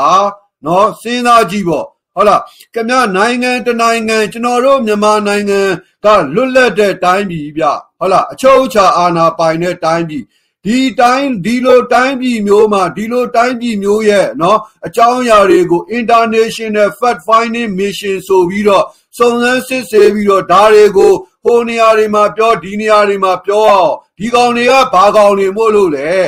ဒီကောင်တွေကဘာကောင်တွေမို့လို့လဲကျွန်တော်ပြောတာနော်ဒီကောင်တွေကကိုယ်တိုင်းပြည်ထဲမှာတော့မှပဲအခုဆိုရင်အမေရိကန်တိုင်းပြည်ထဲမှာပြဿနာတွေအများကြီးတက်နေတာဒီကောင်တွေအကုန်လုံးကအမေရိကန်မှာရှိတဲ့ တထဲတွေရဲ့အယိုးကိုက်ခွေးတွေကြီးပဲနော်အမေရိကန်နိုင်ငံရေးမှာတထဲတွေဟာသူတို့ရှိလာတဲ့ပတ်စံတွေကိုအကုန်လုံးအိတ်ထဲကနေထည့်ပြီးတော့ဟလာဟိုပြည်သူလူထုကိုမျှဝေမပေးခြင်းပဲနဲ့နော်အမေရိကန်ပြည်သူလူထုတွေစီးရဲပြီးတော့ဒီလိုမျိုးဒီနေ့လိုမျိုးအကြက်တဲတွေဖြစ်နေတာကိုဟိုတရုတ်ကိုအပြစ်ပုံချလိုက်ဟိုလူကိုအပြစ်ပုံချလိုက်လုပ်ငန်းတွေလုပ်နေတဲ့ဖို့အတွက်ကိုလုံလုံလုံနေတာတွေကိုကြတော့ ထုတ်ဖော်ပြောဆိုရဲခြင်းမရှိတဲ့လွတ်တော်အမတ်ဟောင်းအပြုတ်တွေဒါပေမဲ့ဒီကောင်တွေကဘာဖြစ်လဲကျွန်တော်တို့လိုနိုင်ငံငယ်တွေမှာအခြားတိုင်းပြည်တွေမှာကြတော့နော်ဒါလိုအလုပ်တွေကိုတွားပြီးတော့လုပ်နေတာအဲ့တော့ကျွန်တော်တို့ကတော့မခံဘူးမြန်မာအစိုးရကတော့ခံမြန်မာအစိုးရကတော့ခံကျွန်တော်တို့ကတော့မခံဘူးပြောမှာပဲเนาะအမေရိကန်အစိုးရအနေနဲ့လည်းမချင်တဲ့လို့ရှိရင်လာဖမ်း เนาะအချိန်မြေးလာဖမ်းလို့ရတယ်အချိန်မြေးပြည်နေနေပေးလို့ရတယ်ခမားတို့ဖွဲ့စည်းပေးထားတဲ့ဒီ NED တို့ခမားတို့ American Congress ကနေပတ်စံထောက်ပံ့ပြီးတော့ဖွဲ့စည်းပေးထားတဲ့အရက်ဖက်လူမှုအဖွဲ့အစည်းတွေမီဒီညာအဖွဲ့အစည်းတွေကမြန်မာနိုင်ငံနဲ့ပတ်သက်လို့မဟုတ်မမှန်လှုပ်ကြံပြီးတော့เนาะတစ်ဖက်သက်ပြောဆိုရေးသားခွင့်ခမားတို့စီမာတော်ရှိလို့ရှိရင်ကျုပ်တို့စီမာလည်းခမားတို့ရဲ့ကျုပ်လည်းအမေရိကန်နိုင်ငံသားပဲ ခမားတို့ရဲ့အစိုးရကျုပ်ရဲ့ကျုပ်ရဲ့အစိုးရနော်မတရားလူတက်နေတဲ့ကိစ္စတွေအကြမ်းဖက်လုပ်ငန်းတွေအကြမ်းဖက်လုပ်ရက်တွေလုပ်နေတဲ့ကိစ္စတွေကိုပြောမှာပဲနော်မကျေနပ်လို့ရှိရင်လာဖန်အိမ်မှာအချိန်မျိုးရှိတယ်လာဖန်လို့ရတယ်အဲ့တော့ဒါကပြီးသွားပြီပေါ့ဟလားတခုအဲ့တော့နောက်ပေါ့ဗျာသူတို့တွေပေးထားတဲ့ဒီ NED နော် NED ယူနေမှာဒီ NED ကနေပြီးတော့ထောက်ပံ့ပေးထားတဲ့ဒီ သတင်းမီဒီယာဒီအဖွဲ့အစည်းတွေရဲ့သတင်းရေးသားဒီဖော်ပြထားတာလေးတွေသူတို့ဘလို့တွေဟုတ်လားဖော်ပြထားတယ်ဘလို့တွေလုပ်နေတယ်ဆိုတာကိုနောက်တစ်ခါကျွန်တော်တို့ထပ်ပြီးတော့ကြည့်ကြည့်ကြတာပေါ့ဗျာနော်အဲ့တော့ကြည့်ကြည့်ကြတယ်ဆိုတဲ့အခါကျတော့ဒါဒီမှာကြည့်ကြည့်နော်ဒါ AR AR မှာဆိုလို့ရှိရင်ဒီမှာပါပြောထားလဲ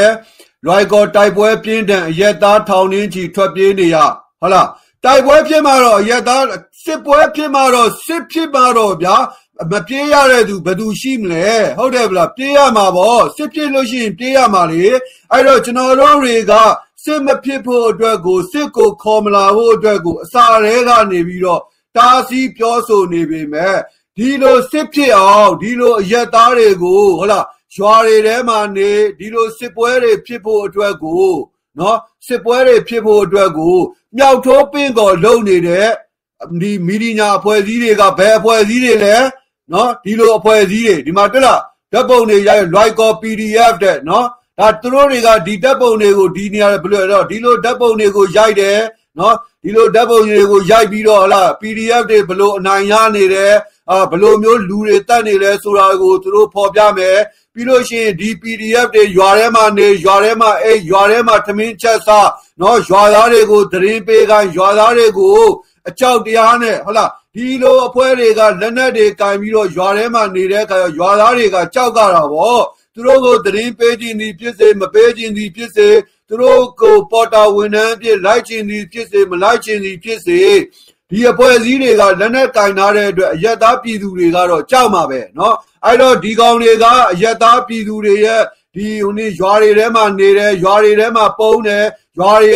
ကထမင်းတွေကိုယူတယ်ဆန်တွေကိုယူတယ်နော်ချက်တွေဘဲတွေကိုရိုက်သက်စားတယ်ခိုးစားတယ်နော်ဒါတွေကကျွန်တော်ကလက်လွတ်စပယ်ပြောနေတာမဟုတ်ဘူးကျွန်တော်တို့ကတော်ထဲမှာဒါတွေကျွန်တော်တို့ကဖြတ်တန်းလာခဲ့ပြီးသွားပြီ နော်ဒါတော့ဒီလိုမျိုးလုံနေမှာတော့တစ်ဖက်အဖွဲ့အစည်းကလည်းသူတို့ကိုစစ်တိုက်တဲ့အခါကျတော့ဒီရွာတွေကိုအခြေခံပြီးတော့ရွာတွေထဲမှာပုံပြီးတော့ရွာတွေထဲမှာအိတ်ပြီးတော့နေတဲ့လူတွေကိုဝင်ပြီးတော့နော်ရှင်းလို့ရှိလို့ရှိရင်ရွာသားတွေပြေးရမှာပေါ့ဒါပေမဲ့သူတို့တွေကသတင်းတွေကိုရေးတဲ့အခါကျတော့ဘလို့ရေးလဲခုနလိုမျိုး like တိုက်ပွဲနေပြင်းတဲ့အရက်သားထောင်နှင်းချီထွက်ပြေးနေရတဲ့နော် အဲ့လိုမျိုးတည်ရတဲ့အချမ်းဖက်အချမ်းဖက်လုပ်ငန်းတွေပေါ်တော်ဒီမှာကြည့်စစ်ကောင်စီမြေမြုပ်မိုင်းများကအရက်သားများကိုပြစ်မှတ်ထားတဲ့ကဲတတိယဘုံလေးကြီးစစ်ကောင်စီမြေမြုပ်မိုင်းများများမြေမြုပ်မိုင်းများကအရက်သမားအရက်နဲ့အရက်သားများကိုပြစ်မှတ်ထားတဲ့နော်မြေမြုပ်မိုင်းတွေကအရက်သားကိုပြစ်မှတ်ထားရမလို့ဘူးမြေမြုပ်မိုင်းဆိုတာဒီအချမ်းဘက်သမားတွေတွားတဲ့လာတဲ့နေရာနော်အချမ်းဘက်သမားတွေရဲ့ဆက်သွယ်ရေးလမ်းကြောင်းတွေ route တွေ supply လမ်းကြောင်းတွေဒီလမ်းကြောင်းတွေကိုဖြတ်တောက်ဖို့အတွက်ဒီကောင်တွေအများရန်သွားနေတဲ့နေရာတွေကိုမြေမြုပ်မိုင်းထောင်လို့ရှိရင်အဲ့နေရာတွေကိုထောင်ပါပဲနော်ဒါပေမဲ့ရွာသားဟန်ဆောင်ပြီးတော့ရွာတွေထဲမှာဝင်ပြီးတော့အရက်ဝတ်တွေဝတ်မယ်ဝတ်ပြီးတော့ရွာထဲမှာစစ်တပ်ကလာလို့ရှိရင်ဒီနေ့ရွာသားအဖြစ်ဟန်ဆောင်ပြီးတော့နေမယ်ဟုတ်လားရွာတွေထဲမှာဝင်လိုက်ထွက်လိုက်နဲ့နော်ဒီရွာသားဟန်ဆောင်ပြီးတော့လုံနေမယ်ဆိုလို့ရှိရင် ဒီရွာထဲအဝင်ထွက်လမ်းတွေကိုတော့ကျွန်တော်ဆိုလဲအဲ့ဒီစစ်စင်ရေးမှာတာဝန်ရှိထောင်ပါပဲမိုင်းထောင်ပါပဲနော်ဘာကြောင့်လဲဒီကောင်တွေကရွာသားတွေကိုလက်နဲ့ကင်ပြီးတော့လက်နဲ့အားကိုပြီးတော့ရွာသားတွေမပြောရဲမဆိုရဲအောင်အတွက်ကို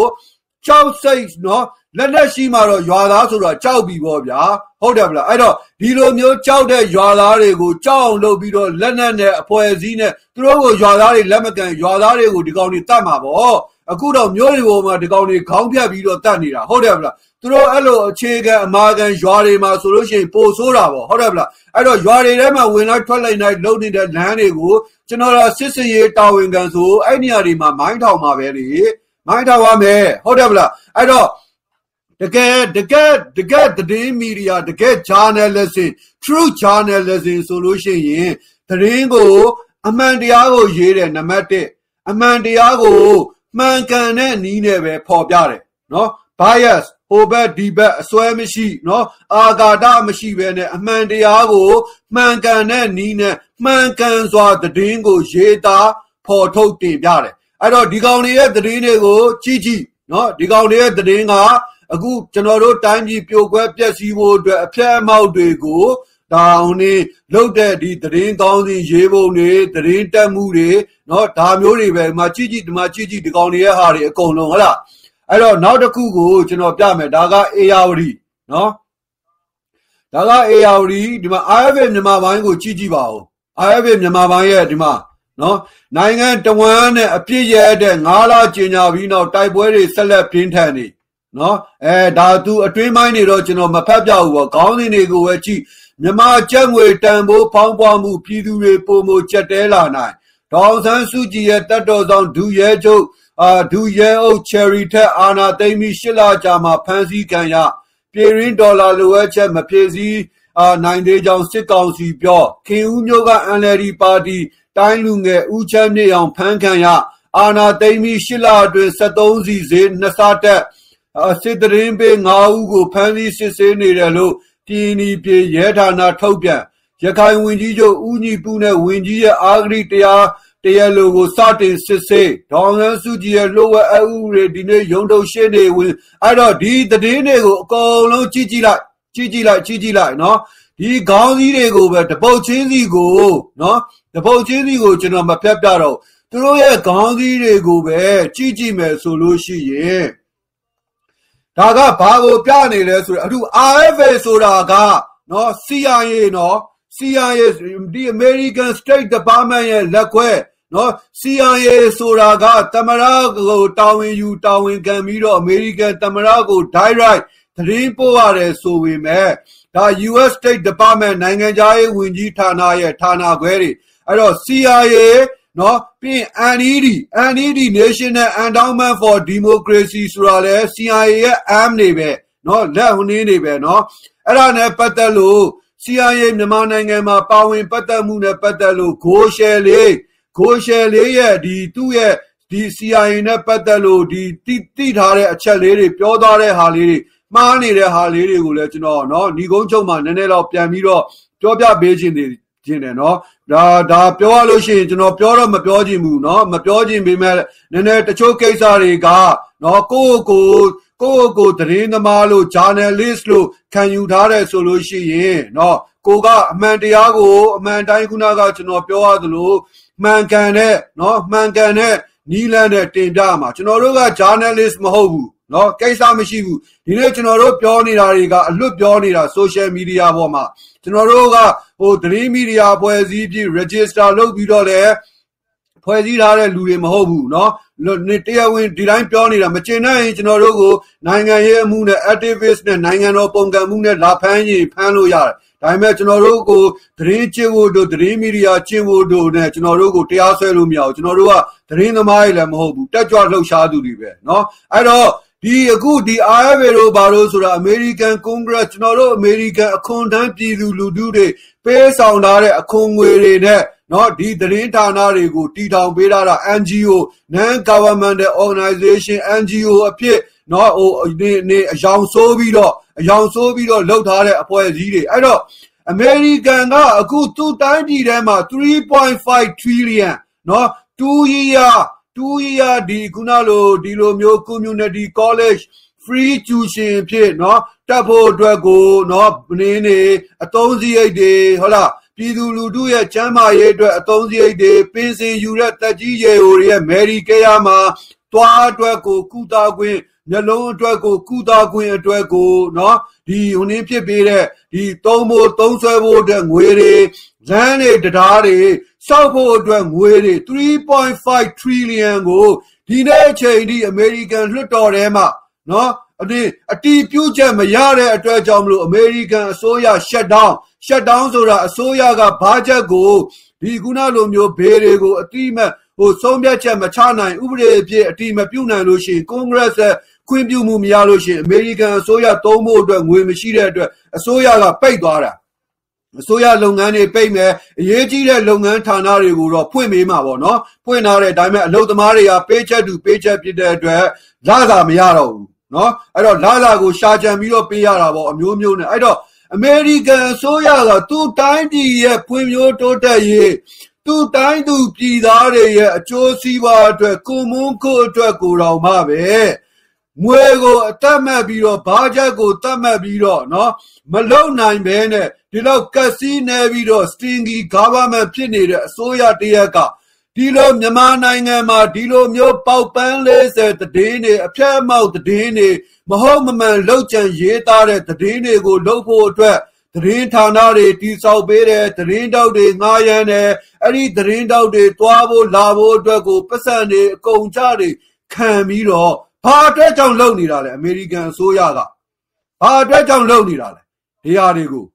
ဟမ်ဘာအတွက်ကြောင့်လုပ်နေတာသူ့တိုင်းပြည်ရဲ့ဖွံ့ဖြိုးတိုးတက်မှုနဲ့သူ့တိုင်းပြည်ရဲ့ နော်အကျိုးစီးပွားသူ့ပြည်သူလူထုရဲ့အကျိုးစီးပွားအတွက်ငွေချေးသုံးဆွဲဖို့တော့မှသဘောမတူနိုင်ဖြစ်နေတဲ့အစိုးရတရက်ကနိုင်ငံရေးသမားတွေကမြန်မာနိုင်ငံမှာဒီလိုလူတွေအချင်းချင်းတပ်ဖြတ်ဖို့အတွက်ကိုငွေချေးပေးပြီးတော့ဒီလိုသတင်းဌာနကိုတီထောင်ထားတာဘာကြောင့်လဲ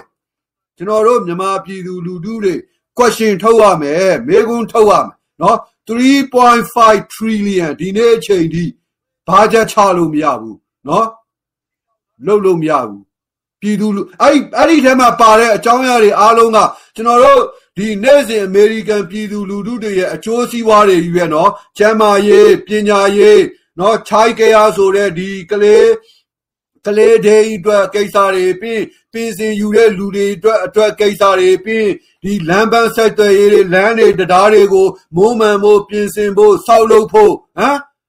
နေ့စဉ်ပြည်သူလူထုအမေရိကန်ကြီးဖွံ့ဖြိုးတိုးတက်ဖို့အတွက်3.5 trillion ကိုအမေရိကန်ဆိုရကဒီနေ့ချိန်ထိနော်အတိမပြုတ်နိုင်သေးပေမဲ့ကမ္ဘာပေါ်မှာနိုင်ငံတွေကိုဖျက်ဆီးဖို့အတွက်ကြတော့ပတ်စံတွေကိုအတားအဆီးမရှိအသုံးချနိုင်တယ်အသုံးပြုနိုင်တယ်ကျွန်တော်တို့မြန်မာပြည်သူလူထုတွေသိအောင်အတွက်ကိုနော်ကျွန်တော်ဒါဒီနေရာကနေကျွန်တော်ပြောပြတာအဲ့တော့နောက်ထပ် နောက်ထပ်ဟိုနေ့တစ်ခုကိုသွားပြီးတော့ကြည့်ကြည့်အောင်ဗျာနောက်ထပ်သူတို့ရဲ့ဒီဟိုနေ့သတင်းမီဒီယာတစ်ခုเนาะအဖွဲ့အစည်းတွေကိုလိုက်ပြီးတော့ကြည့်ကြည့်တာပေါ့အဲ့တော့ပြီးသွားတဲ့အခါကျတော့ DVB ကိုကြည့်ကြည့်ပေါ့เนาะ DVB ကိုကြည့်ကြည့်ပေါ့အဲ့တော့ DVB မှာဆိုလို့ရှိရင်ဒီမှာဗာရေးထားတယ်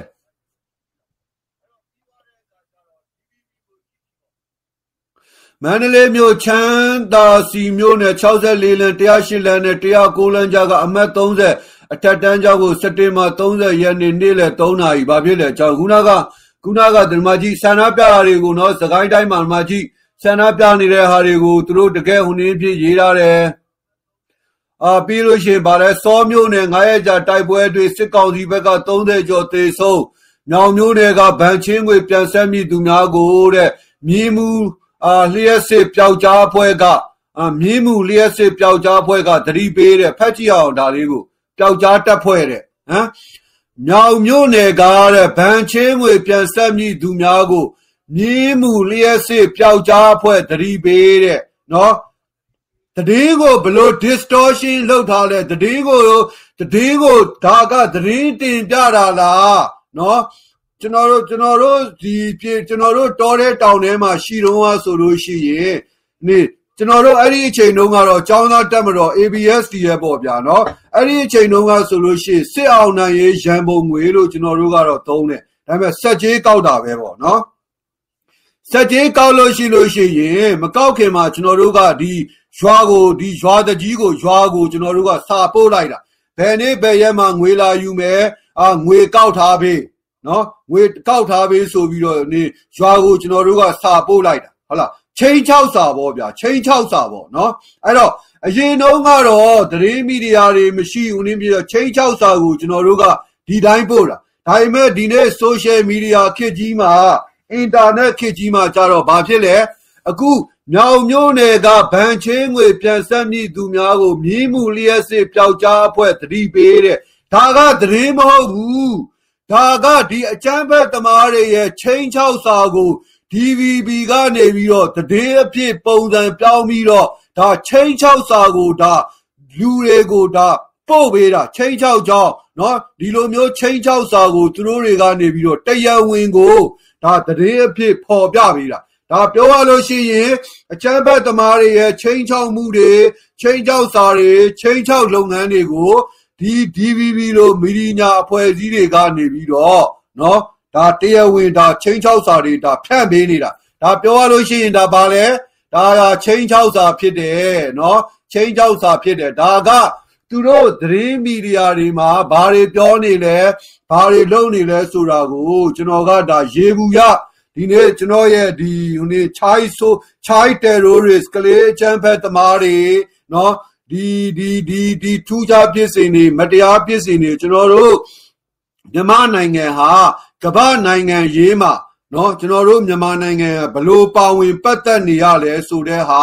ဘလို့အနိုင်ချင်းခံနေရလဲ ဘလို့လှုပ်ကြံတိုက်ခိုက်နေရလဲဆိုတဲ့ဟာတွေကိုကျွန်တော်ဒီမှာဒါเนาะဒီနေ့ live ကဒါတင်ပြတာအဲ့တော့ဒီသတင်းဌာနတွေကိုခုနကကျွန်တော်เนาะသူတို့၃၄ခုကိုကျွန်တော်တွားကြည့်ခဲ့တယ်တွားကြည့်ခဲ့ပြီးမှကြည့်လိုက်လို့ရှိရင် နော်ဒီကျွန်တော်တို့တစ်ဖက်ကဒီပြည်တော်သူကျန်းကာရေးကပါတီဝင်တွေဖုန်ကြီးတွေကျောင်းသူကျောင်းသားတွေယဟန်တန်ကားတွေအပြစ်မဲ့အယက်သားပြည်သူလူတွေဘုံကွဲခံတတ်နေရတာတွေဓာထိုးခံတတ်နေရတာတွေပေါက်စိတ်နဲ့ခေါင်းပြတ်တက်ခံနေရတာတွေဟုတ်လားဒီလိုမျိုးဟာတွေကိုဒီလိုမီဒီယာတွေရဲ့ website တွေမှာတခုမှမတွေ့ရဘူးဒီလိုမီဒီယာတွေရဲ့ website တွေမှာကလေးသူငယ်တွေကိုလမ်းပေါ်တက်ပြီးတော့ 9နှစ်ရွယ်6နှစ်ရွယ်9နှစ်ရွယ်ကလေးသူငယ်တွေကိုလမ်းပေါ်မှာတက်ပြီးတော့နော်ဟိုနေ့ဆန္ဒပြခိုင်းတဲ့ဟာမျိုးတွေနော်အကြမ်းဖက်လုပ်ငန်းတွေကိုတွယ်ဝိုက်ပြီးတော့နော်အားပေးတဲ့ဟာတွေဒါတွေကိုပဲကျွန်တော်တွေ့ရမယ်အဲ့တော့ဒီနေ့ညီကုန်းချုပ်မှာနော်ကျွန်တော်ဒီ CIA နဲ့နော်ဒီအမေရိကန်အစိုးရနဲ့မြန်မာနိုင်ငံရေးမှာနော်ပတ်သက်ပုံပတ်သက်ညီလေးကိုကျွန်တော်အတူချုပ်နေနော်ဟိုနေ့ ဟိုနေပြောလို့ပြောကျွန်တော်ရှင်းပြခြင်းတယ်။ဘာကြောင့်ကျွန်တော်ကရှင်းပြဖို့လိုတယ်လို့ထင်လဲဆိုရင်ဒီအာရကမီဒီယာမှာ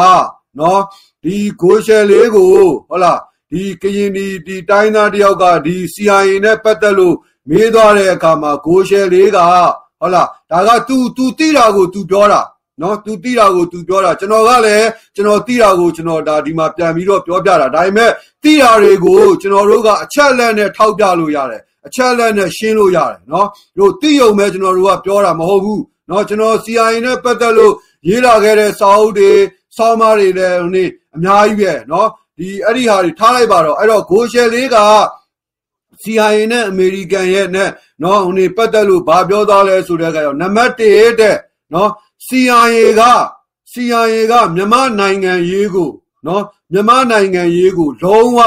စိတ်ဝင်စားမှုမရှိပါဘူးတဲ့သူပြောရတာနော်သူပြောရတာ CIA ကမြန်မာနိုင်ငံရေးကိုလုံးဝစိတ်ဝင်စားမှုမရှိပါဘူးတဲ့နော်အခုအမေပြောလို့ရှိရင်တော့ဗျာအမေရိကန်အစိုးရကမြန်မာနိုင်ငံရေးကိုလုံးဝစိတ်ဝင်စားမှုမရှိပါဘူးတဲ့နော်အခုဒီနေ့ဒီမြန်မာနိုင်ငံရေးမှာပါဝင်ပတ်သက်နေကြတဲ့အဖွဲ့အစည်းတွေဆိုတာတဲ့ဒီ NGO တွေပေါ့နော် NGO တွေဆိုတာသူပြောဆိုလိုချင်တာ NGO NED တို့ USAID တို့ခုနလိုမျိုး NDI တို့เนาะဒီ National ဘာလဲ Democratic Institution အသစ်သူတို့ထပ်ပြီးတော့အာဖွဲ့ထားတဲ့ဒီလိုအဖွဲ့အစည်းတွေ OSI တို့လို OS F တို့လိုဒီလို NGO တွေမှာဒီမြန်မာနိုင်ငံတဲကအသားထွက်ကအသားထွက်လောက်ကောင်တွေကနေပြီးတော့ proposal တွေတင် grant money တွေတင်တဲ့အတွက်ကြောင့်မလို့ဒီ NGO တွေနဲ့ဒီမြန်မာပြည်ကအသားတွေကလောက်ထွက်တစ်သက်ပေါက်တွေနဲ့ ပေါင်းပြီးတော့လုပ်နေတာပဲဖြစ်ပါတယ်တဲ့ CIA က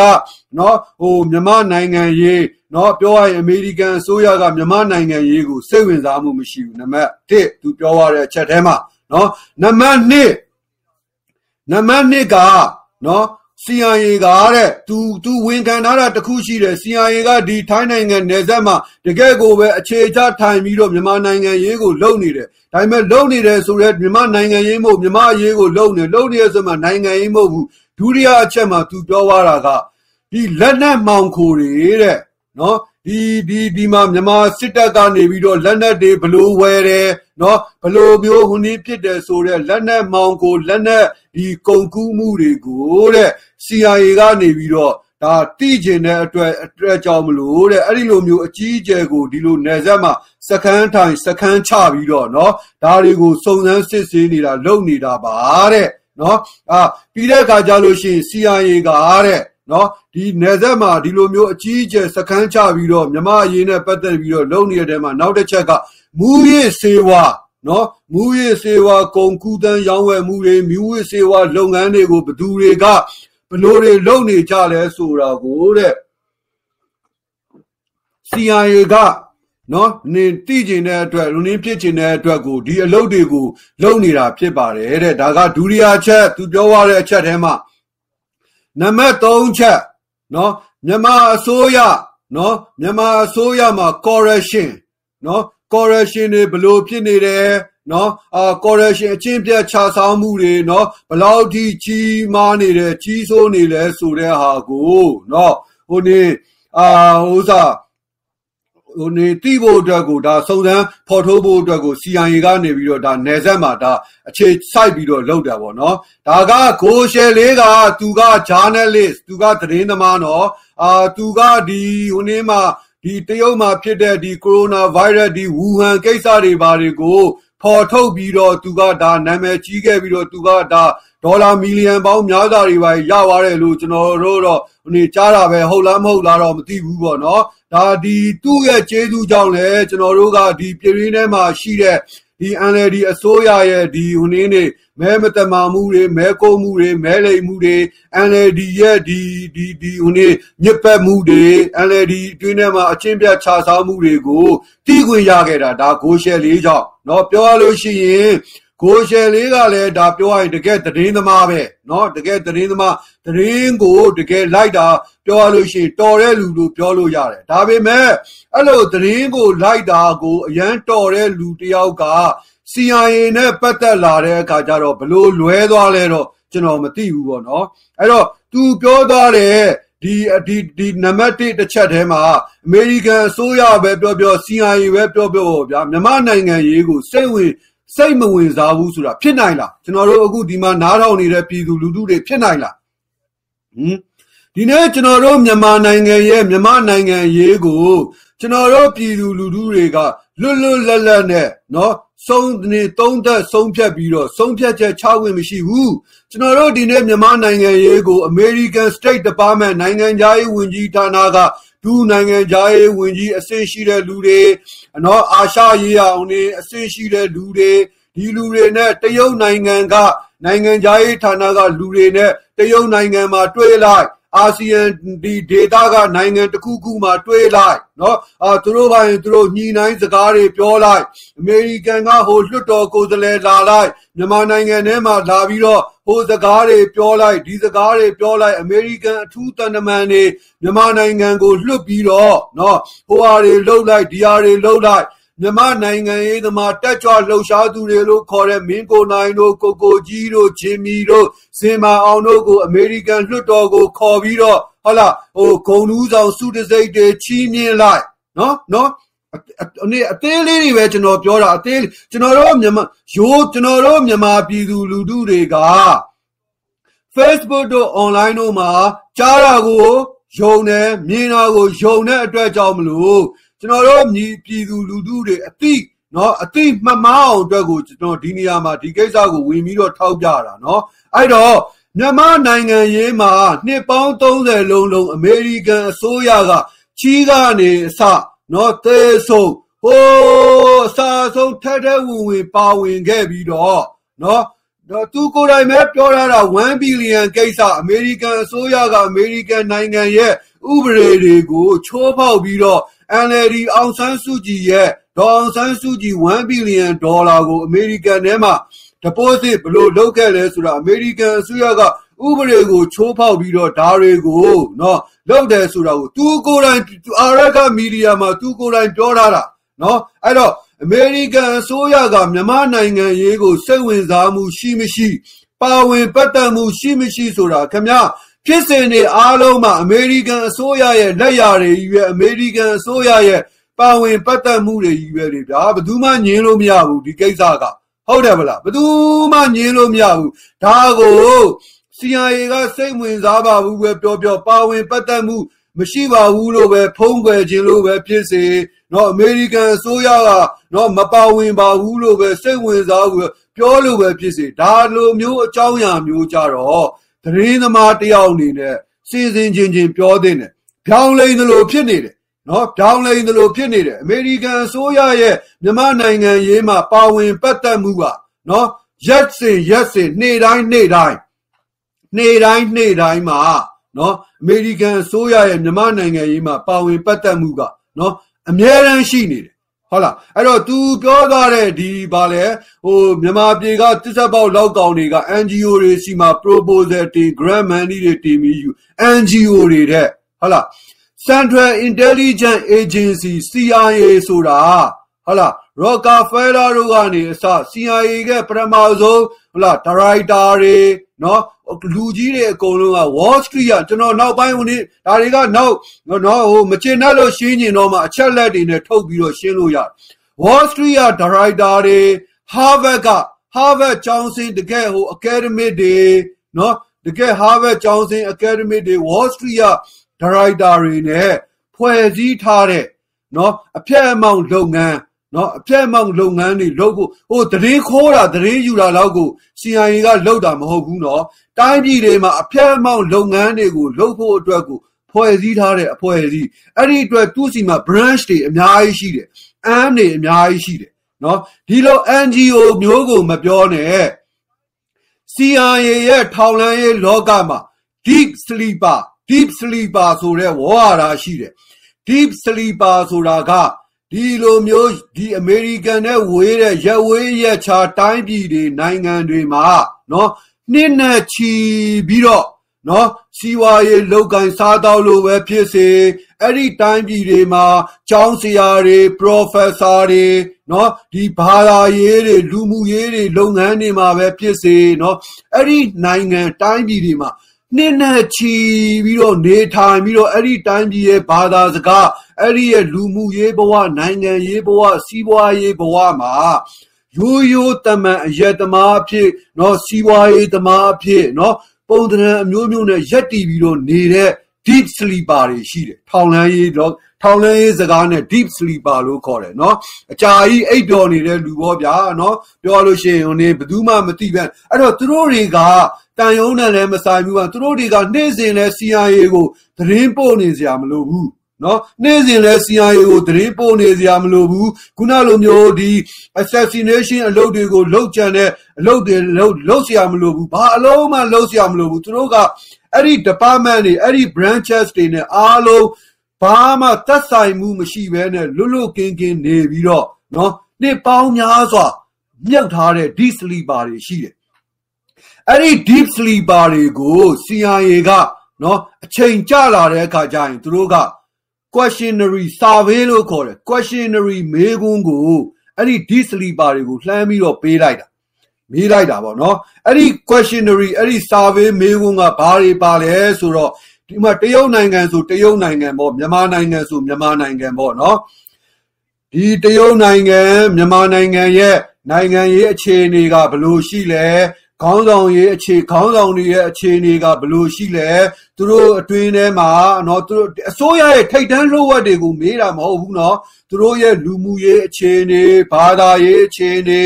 အာစီးပွားရေးအခြေအနေเนาะလူတွေရဲ့ခုနလိုမျိုး ဒီဒီသဘောထားတွေသူတို့တိုင်းပြည်မှာပေါ်မှာသဘောထားအမြင်တွေအစိုးရပေါ်မှာသဘောထားအမြင်တွေကျွန်တော်တို့ဒီလိုအလွယ်တကူ online တွေမှာအခု survey လုပ်နေတဲ့ questionary တွေလုပ်နေတဲ့เนาะမေးခွန်းတွေလိုမျိုးဒီ CIA သူတို့ဒီကနေပြီးတော့အဲ့ဒီ D sleeper တွေစီကိုအဲ့ဒီ survey questionary တွေကိုလှမ်းပြီးတော့ပို့လိုက်တယ်မေးလိုက်တယ်ပြီးတဲ့အခါကျရင်သူတို့ရဲ့ analysis နော် analysis သုံးသက်ချက်ကိုတောင်းတယ်နော်သုံးသက်ချက်ကိုတောင်းတယ်အဲ့ဒါတွေက10နှစ်တခါနှစ်20မှတခါလောက်ပဲလောက်ရတာနော်သူတို့ကိုထောင်လိုင်းရေးဖြစ်ဖမ်းဖို့လည်းခက်တယ်နော်ထောင်လိုင်းရေးဖြစ်ဖမ်းဖို့လည်းခက်တယ်အဲ့တော့ CIA လို့ထောင်လိုင်းရေးလို့ပြောတယ်ဆိုတဲ့အခါမှာဒီလိုမျိုး deep sleeper ဆိုတဲ့လူတွေလည်းရှိတယ်ဆိုတာလေးကိုကျွန်တော်ကဒီမှာကျွန်တော်ရဲ့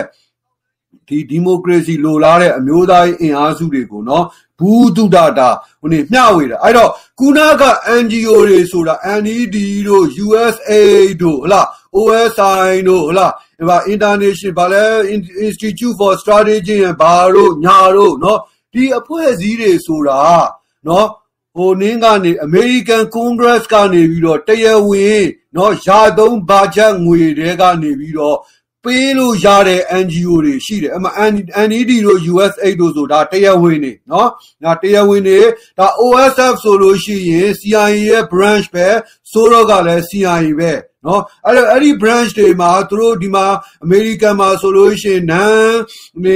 နေ government organization လို့ 3501c လို့မျိုးဟုတ်လားဒီလိုမျိုးဒီနေအခုမဆောင်ဘဲနဲ့နော်ဒီလိုလုပ်ငန်းတွေကိုလုပ်ဖို့ဘာညာအမျိုးမျိုးပေါ့ဗျာရှောက်ရှက်ကတ်နေတာဒါတွေပြောလို့ရှိရင်တလားနဲ့လည်းပြီးမှာမဟုတ်ဘူးအဲ့တော့ဒီလိုအဖွဲ့အစည်းမျိုးတွေကိုသူတို့က NGO ဖြစ် CIA ရဲ့ branches တွေဖြစ်နော်ဌာနခွဲတွေဖြစ်ထားတာ နော်ထားပြီးတော့ဒီလိုကွန်ဂရက်ကနေတရားဝင်ရာသုံးဘတ်ဂျက်ငွေတွေကနေပတ်စံပေးသလိုမျိုး CIA ရဲ့ CIA ရဲ့ဘတ်ဂျက်ဆိုတာဟိုဒီအမေရိကန်လွှတ်တော်ကိုယ်စားလှယ်တိုင်းတီးခွင့်ရတာမဟုတ်ဘူးနော်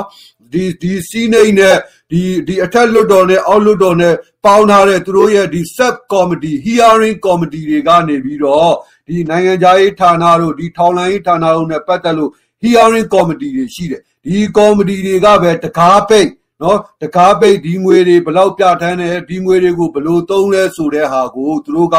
နေလှုပ်လို့ရတာအဲ့တော့ဒီအဖွဲ့တွေပဲတီးခွင့်ရဒီလိုမျိုးသုံးငွေတွေနဲ့ထောက်ပံ့တဲ့ငွေတွေရှိတယ်ဒီ NGO တွေဘာတွေကိုနော်ဒါတွေကိုဒီ CIA ရဲ့စကားနဲ့ပြောမယ်ဆို front page လို့ခေါ်တယ်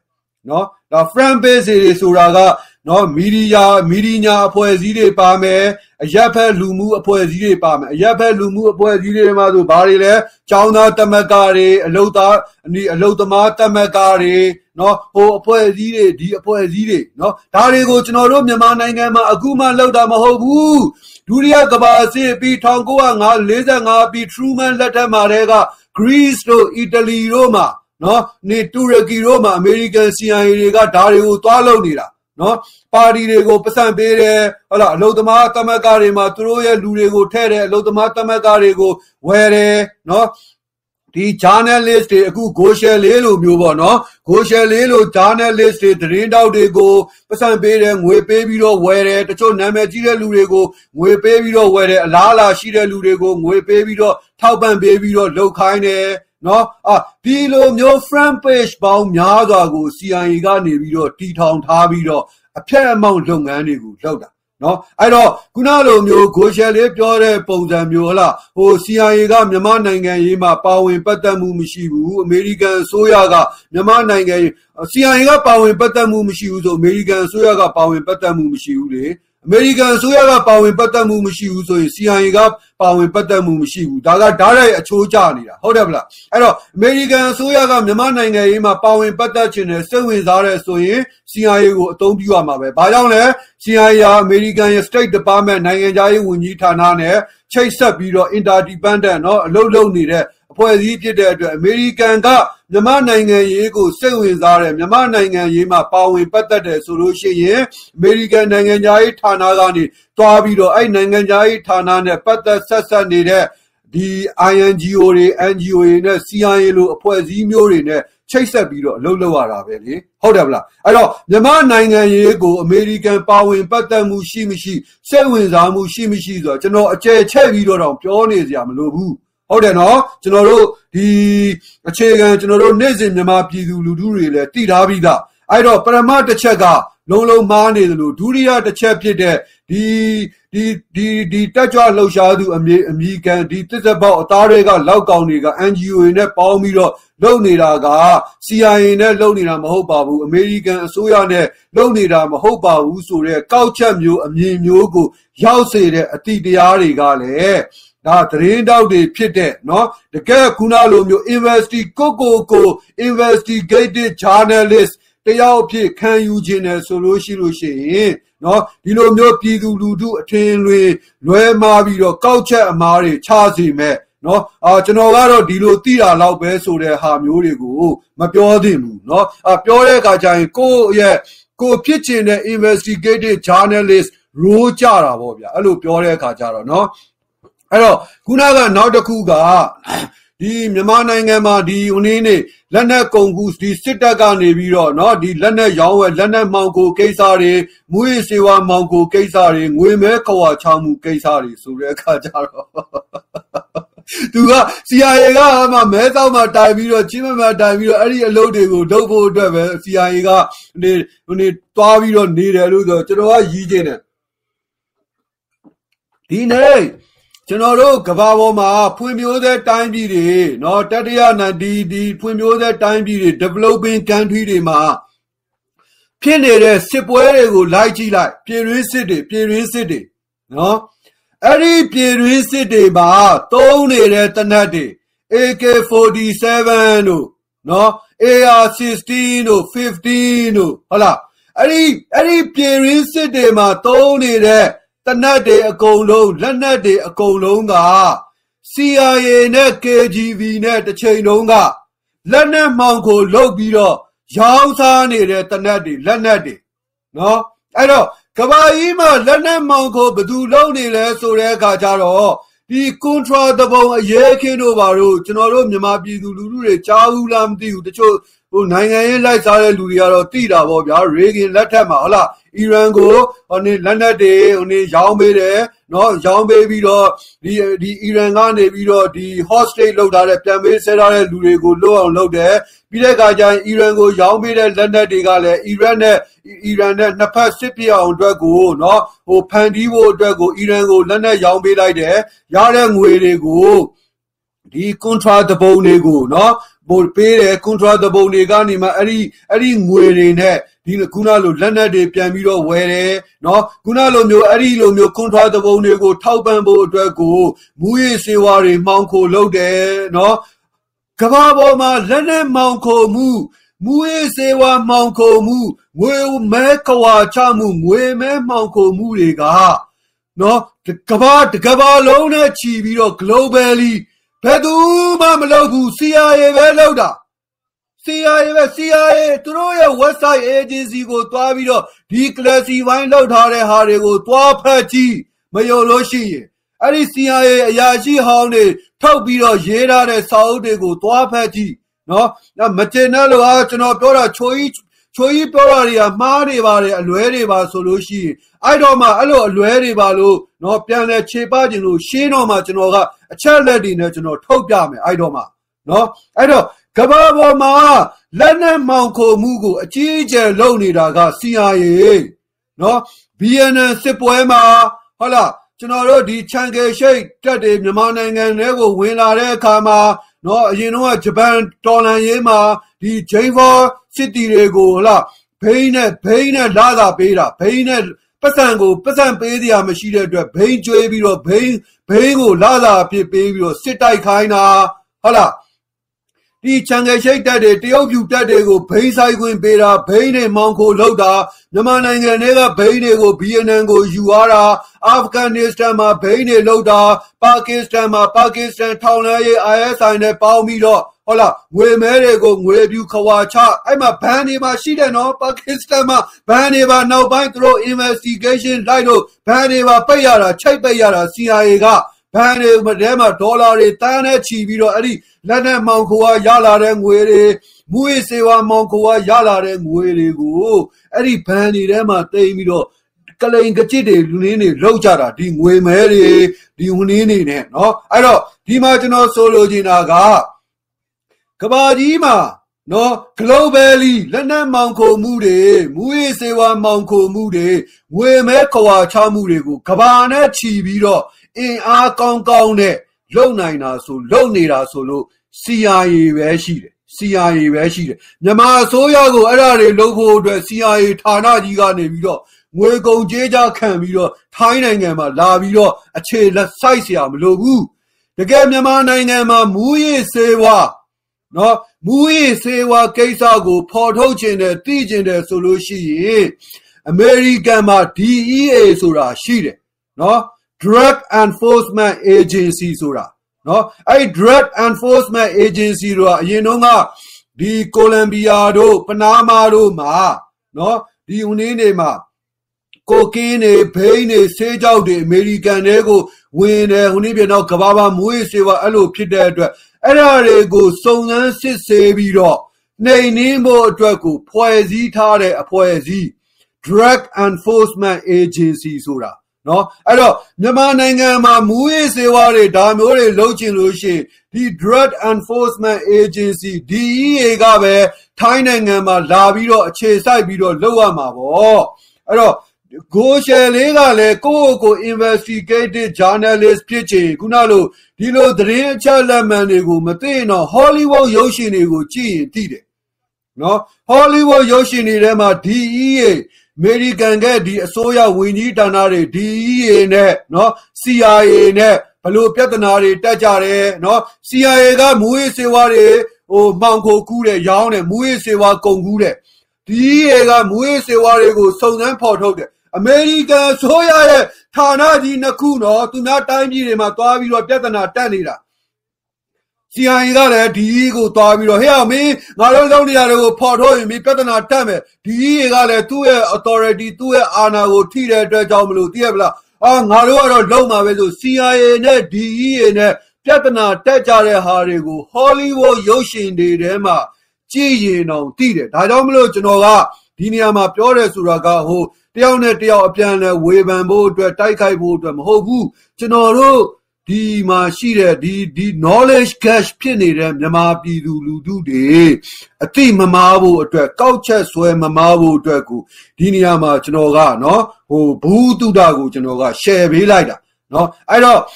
ကဘာမှာလက်နက်မောင်ခိုတွေလက်နက်ကုန်ကူးမှုတွေလုပ်နေတာ CIA မူရေးစေဝါမောင်ခိုမှုတွေမူရေးစေဝါကုန်ကူးနေတာက CIA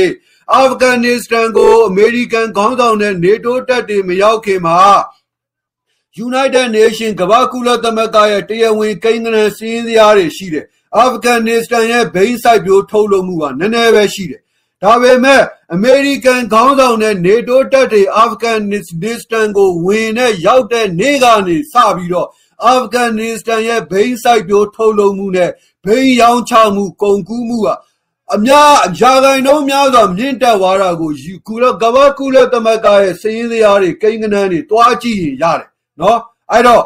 ငွေမဲခွာချမှုတွေမူရေးစေဝါကုန်ကူးမှုတွေလက်နက်ကုန်ကူးမှုတွေကိုကဘာကြီးမှာကဘာနဲ့ချီပြီးတော့ globally လုပ်နေတာက CIA လုပ်နေတာအဲ့တော့ CIA လုပ်နေတာဆိုလို့ရှိရင် CIA တာဝန်ယူတာဝန်ခံထားတာကအမေရိကန်သမ္မတအမေရိကန်အစိုးရအဲ့တော့ကဘာကြီးမှာ လက်နက်မှောင်ကိုကူးနေတာကုန်ကူးတန်းရောင်းဝယ်ရေးလက်နက်ကုန်ကူးရောင်းဝယ်နေတာမူရေးစေဝါကုန်ကူးရောင်းဝယ်နေတာငွေမဲတွေကိုငွေပြူပြစ်ခွာချနေတာကအမေရိကန်အစိုးရကလုပ်နေတာနော်မြမနိုင်ငံရေးမှာဝင်ရောက်စွတ်ပတ်ပတ်သက်ချဲလဲနေတာအမေရိကန်အစိုးရကလုပ်နေတာနော်အဲနောက်ထပ်တတိယအချက် နော်တတိယချက်ကကျွန်တော်ခုနကမေ့ပါတယ်တတိယချက်ကဘာလဲသူနေဖြစ်ပြီးတော့အာပြောရတဲ့အချိန်မှာခဏနေပါအောင်အာ CIA ကနေပါအောင်ပြထားလိုက်ပါတော့เนาะကျွန်တော်နင်းလေးထဲမှာခေါင်းလေးထဲမှာနင်းဖြစ်သွားလို့မေ့သွားလို့အေးเนาะအဲ့ဒီမွေးဆိုအဲ့တော့အဲ့တော့ထားဖို့ဗျာเนาะအဲ့တော့အဲ့တော့ကျွန်တော်တို့မြန်မာနိုင်ငံရေးကိုဒီစကားလေးနဲ့ပဲเนาะကျွန်တော်နေချုပ်လိုက်ခြင်းတယ်ကျွန်တော်တို့မြန်မာနိုင်ငံရေးကိုအမေရိကန်အစိုးရက နော်တရားရာဂိုင်နှုံးထက်ကိုကြော်ပြီးတော့စိတ်ဝင်စားတယ်နော်တရားရာဂိုင်နှုံးထက်ကိုကြော်ပြီးတော့ပါဝင်ပတ်သက်နေတယ်ကျွန်တော်တို့နိုင်ငံရေးကိုဝင်ရောက်ချက်ပဲစွတ်ဖက်စွတ်ဖက်နေတယ်နော်ဒီလုပ်တွေကိုလုပ်ဖို့အတွက်အမေရိကန်အစိုးရရဲ့နိုင်ငံခြားရေးဌာနအဲ့နိုင်ငံခြားရေးဌာနနဲ့ဆက်ဆက်ပြီးတော့လုပ်နေတဲ့ NGO တွေ INGO တွေ CIA လို department တွေနော်အာဒီလိုမျိုး department တွေကနေပြီးတော့နော်ကျွန်တော်တို့တွေက နော်ဟိုနေဖြစ်ကြမယ်ဒီလိုအလုပ်တွေကိုဒါလုပ်နေတယ်ဆိုတဲ့ဟာတွေကိုကျွန်တော်တို့တွေကနော်ကျွန်တော်တို့မြန်မာပြည်သူလူထုတွေသိရမယ်နော်ကဲအခုဒီမှာကြတော့အာဟိုနေအာအခုကျွန်တော်ဟာကိုလောက်ပြန်ပြီဗာလဲအပြဲမောက်သတင်းဌာနများကိုရင်ဆိုင်တုံ့ပြန်ကြမယ်တဲ့သတင်းဌာနများကိုမြန်မာပြည်သူတွေဘလို့ရင်ဆိုင်အာတုံ့ပြန်မလဲလက်ရှိမြန်မာနိုင်ငံမတည်ငြိမ်ရခြင်းအာအကြောင်းရင်းများအာကိုချုပ်ချရင်နဲ့အချက်၃ချက်ကိုတွေ့ရလိမ့်ပါမယ်တဲ့သတင်းဌာနများ ကဲဒီဥစ္စာကိုတဲမှာကြည့် your post a goals can uh community standard တဲ့ဟမ်ဒီဒီ post goal can community standard ဆိုတဲ့အခါကျတော့ဒီ post ကဘာတွေကို community standard against standard ဖြစ်နေလဲအပြဲမောက်သတင်းဌာနများကိုရင်ဆိုင်တုံ့ပြန်ကြမယ်တဲ့အပြဲမောက်သတင်းဌာနတွေပဲလေဗျာ Facebook မြန်မာတင်းကိုလည်းမေးချင်တယ်ဟဲ့အောင်နေမင်းတို့တွေကမင်းတို့တွေကအချမ်းဘက်သမားတွေအချမ်းဘက်သမားတွေရဲ့ဒီမီဒီညာတွေမင်းတို့ CIA ကနေပြီးတော့ဖွဲ့စည်းတည်ထောင်မထားပေးတဲ့ မီဒီညာတွေကနေမြန်မာနိုင်ငံထဲမှာအကြမ်းဖက်လုပ်ငန်းတွေလုပ်ဖို့အတွက်ကိုနော်တရားဝင်လုပ်နေတဲ့ဟာကိုငါတို့ကဖော်ထုတ်တဲ့ဟာကိုငါတို့ရဲ့ဒီဖော်ထုတ်ချက်တွေကဘယ်လိုမျိုး community goal gas community standard ဖြစ်ရလဲ။ရောက်မင်းတို့မင်းတို့ Facebook headquarter မဖွင့်သေးလို့နော်ပြတ်မင်းတို့ Facebook ကိုငါလာပြီးတော့မင်းတို့နဲ့ငါတနေ့ကြလို့ရှိရင်လာရှင်းမယ်အချိန်ပေးတဲ့တနေ့အချိန်နေပေးတဲ့တနေ့ကြလို့ရှိရင်မင်းတို့လူပါဝနေတာတော်တော်များနေပြီမင်းတို့ကောင်းနေ မင်းတို့ကောင်းနေလူပါဝါနေတာတော်တော်များနေပြီအဲ့တော့ဒီနေ့ကျွန်တော်ရဲ့ live ကိုเนาะဒီဒီအမေရိကန်ကျွန်တော်တို့မြန်မာနိုင်ငံမှာဒီနေ့တေချေပျက်စီးနေရတဲ့ နော်အချမ်းဖတ်မှုတွေအချမ်းဖတ်သမားတွေအမေရိကန်ကထောက်ပံ့ပေးထားတဲ့နော်ငွေကြေးတွေနိုင်ငံရေးထောက်ပံ့မှုတွေငွေကြေးထောက်ပံ့မှုတွေတန်တမန်ရေးထောက်ပံ့မှုတွေနဲ့တေချေပျက်စီးနေရတဲ့နော်ကျွန်တော်တို့ဒီမြန်မာပြည်သူလူထုတွေနော်ကဲကအမေရိကန်အစိုးရစီမှာ တရားရာခိုင်နှုန်းယာနှုံးပြည့်တာဝန်ရှိတယ်ဆိုတဲ့ဟာကိုဒီနေ့ကျွန်တော်ရဲ့နော်ဟိုနေ့နဲ့ဒီဟိုနေ့နဲ့ကျွန်တော်ပြောကြရင်းနဲ့နော်ကျွန်တော်ညီကုန်းချုပ်ပါတယ်ဗျာနော်ဒီလောက်ပါပဲဒီနေ့တော့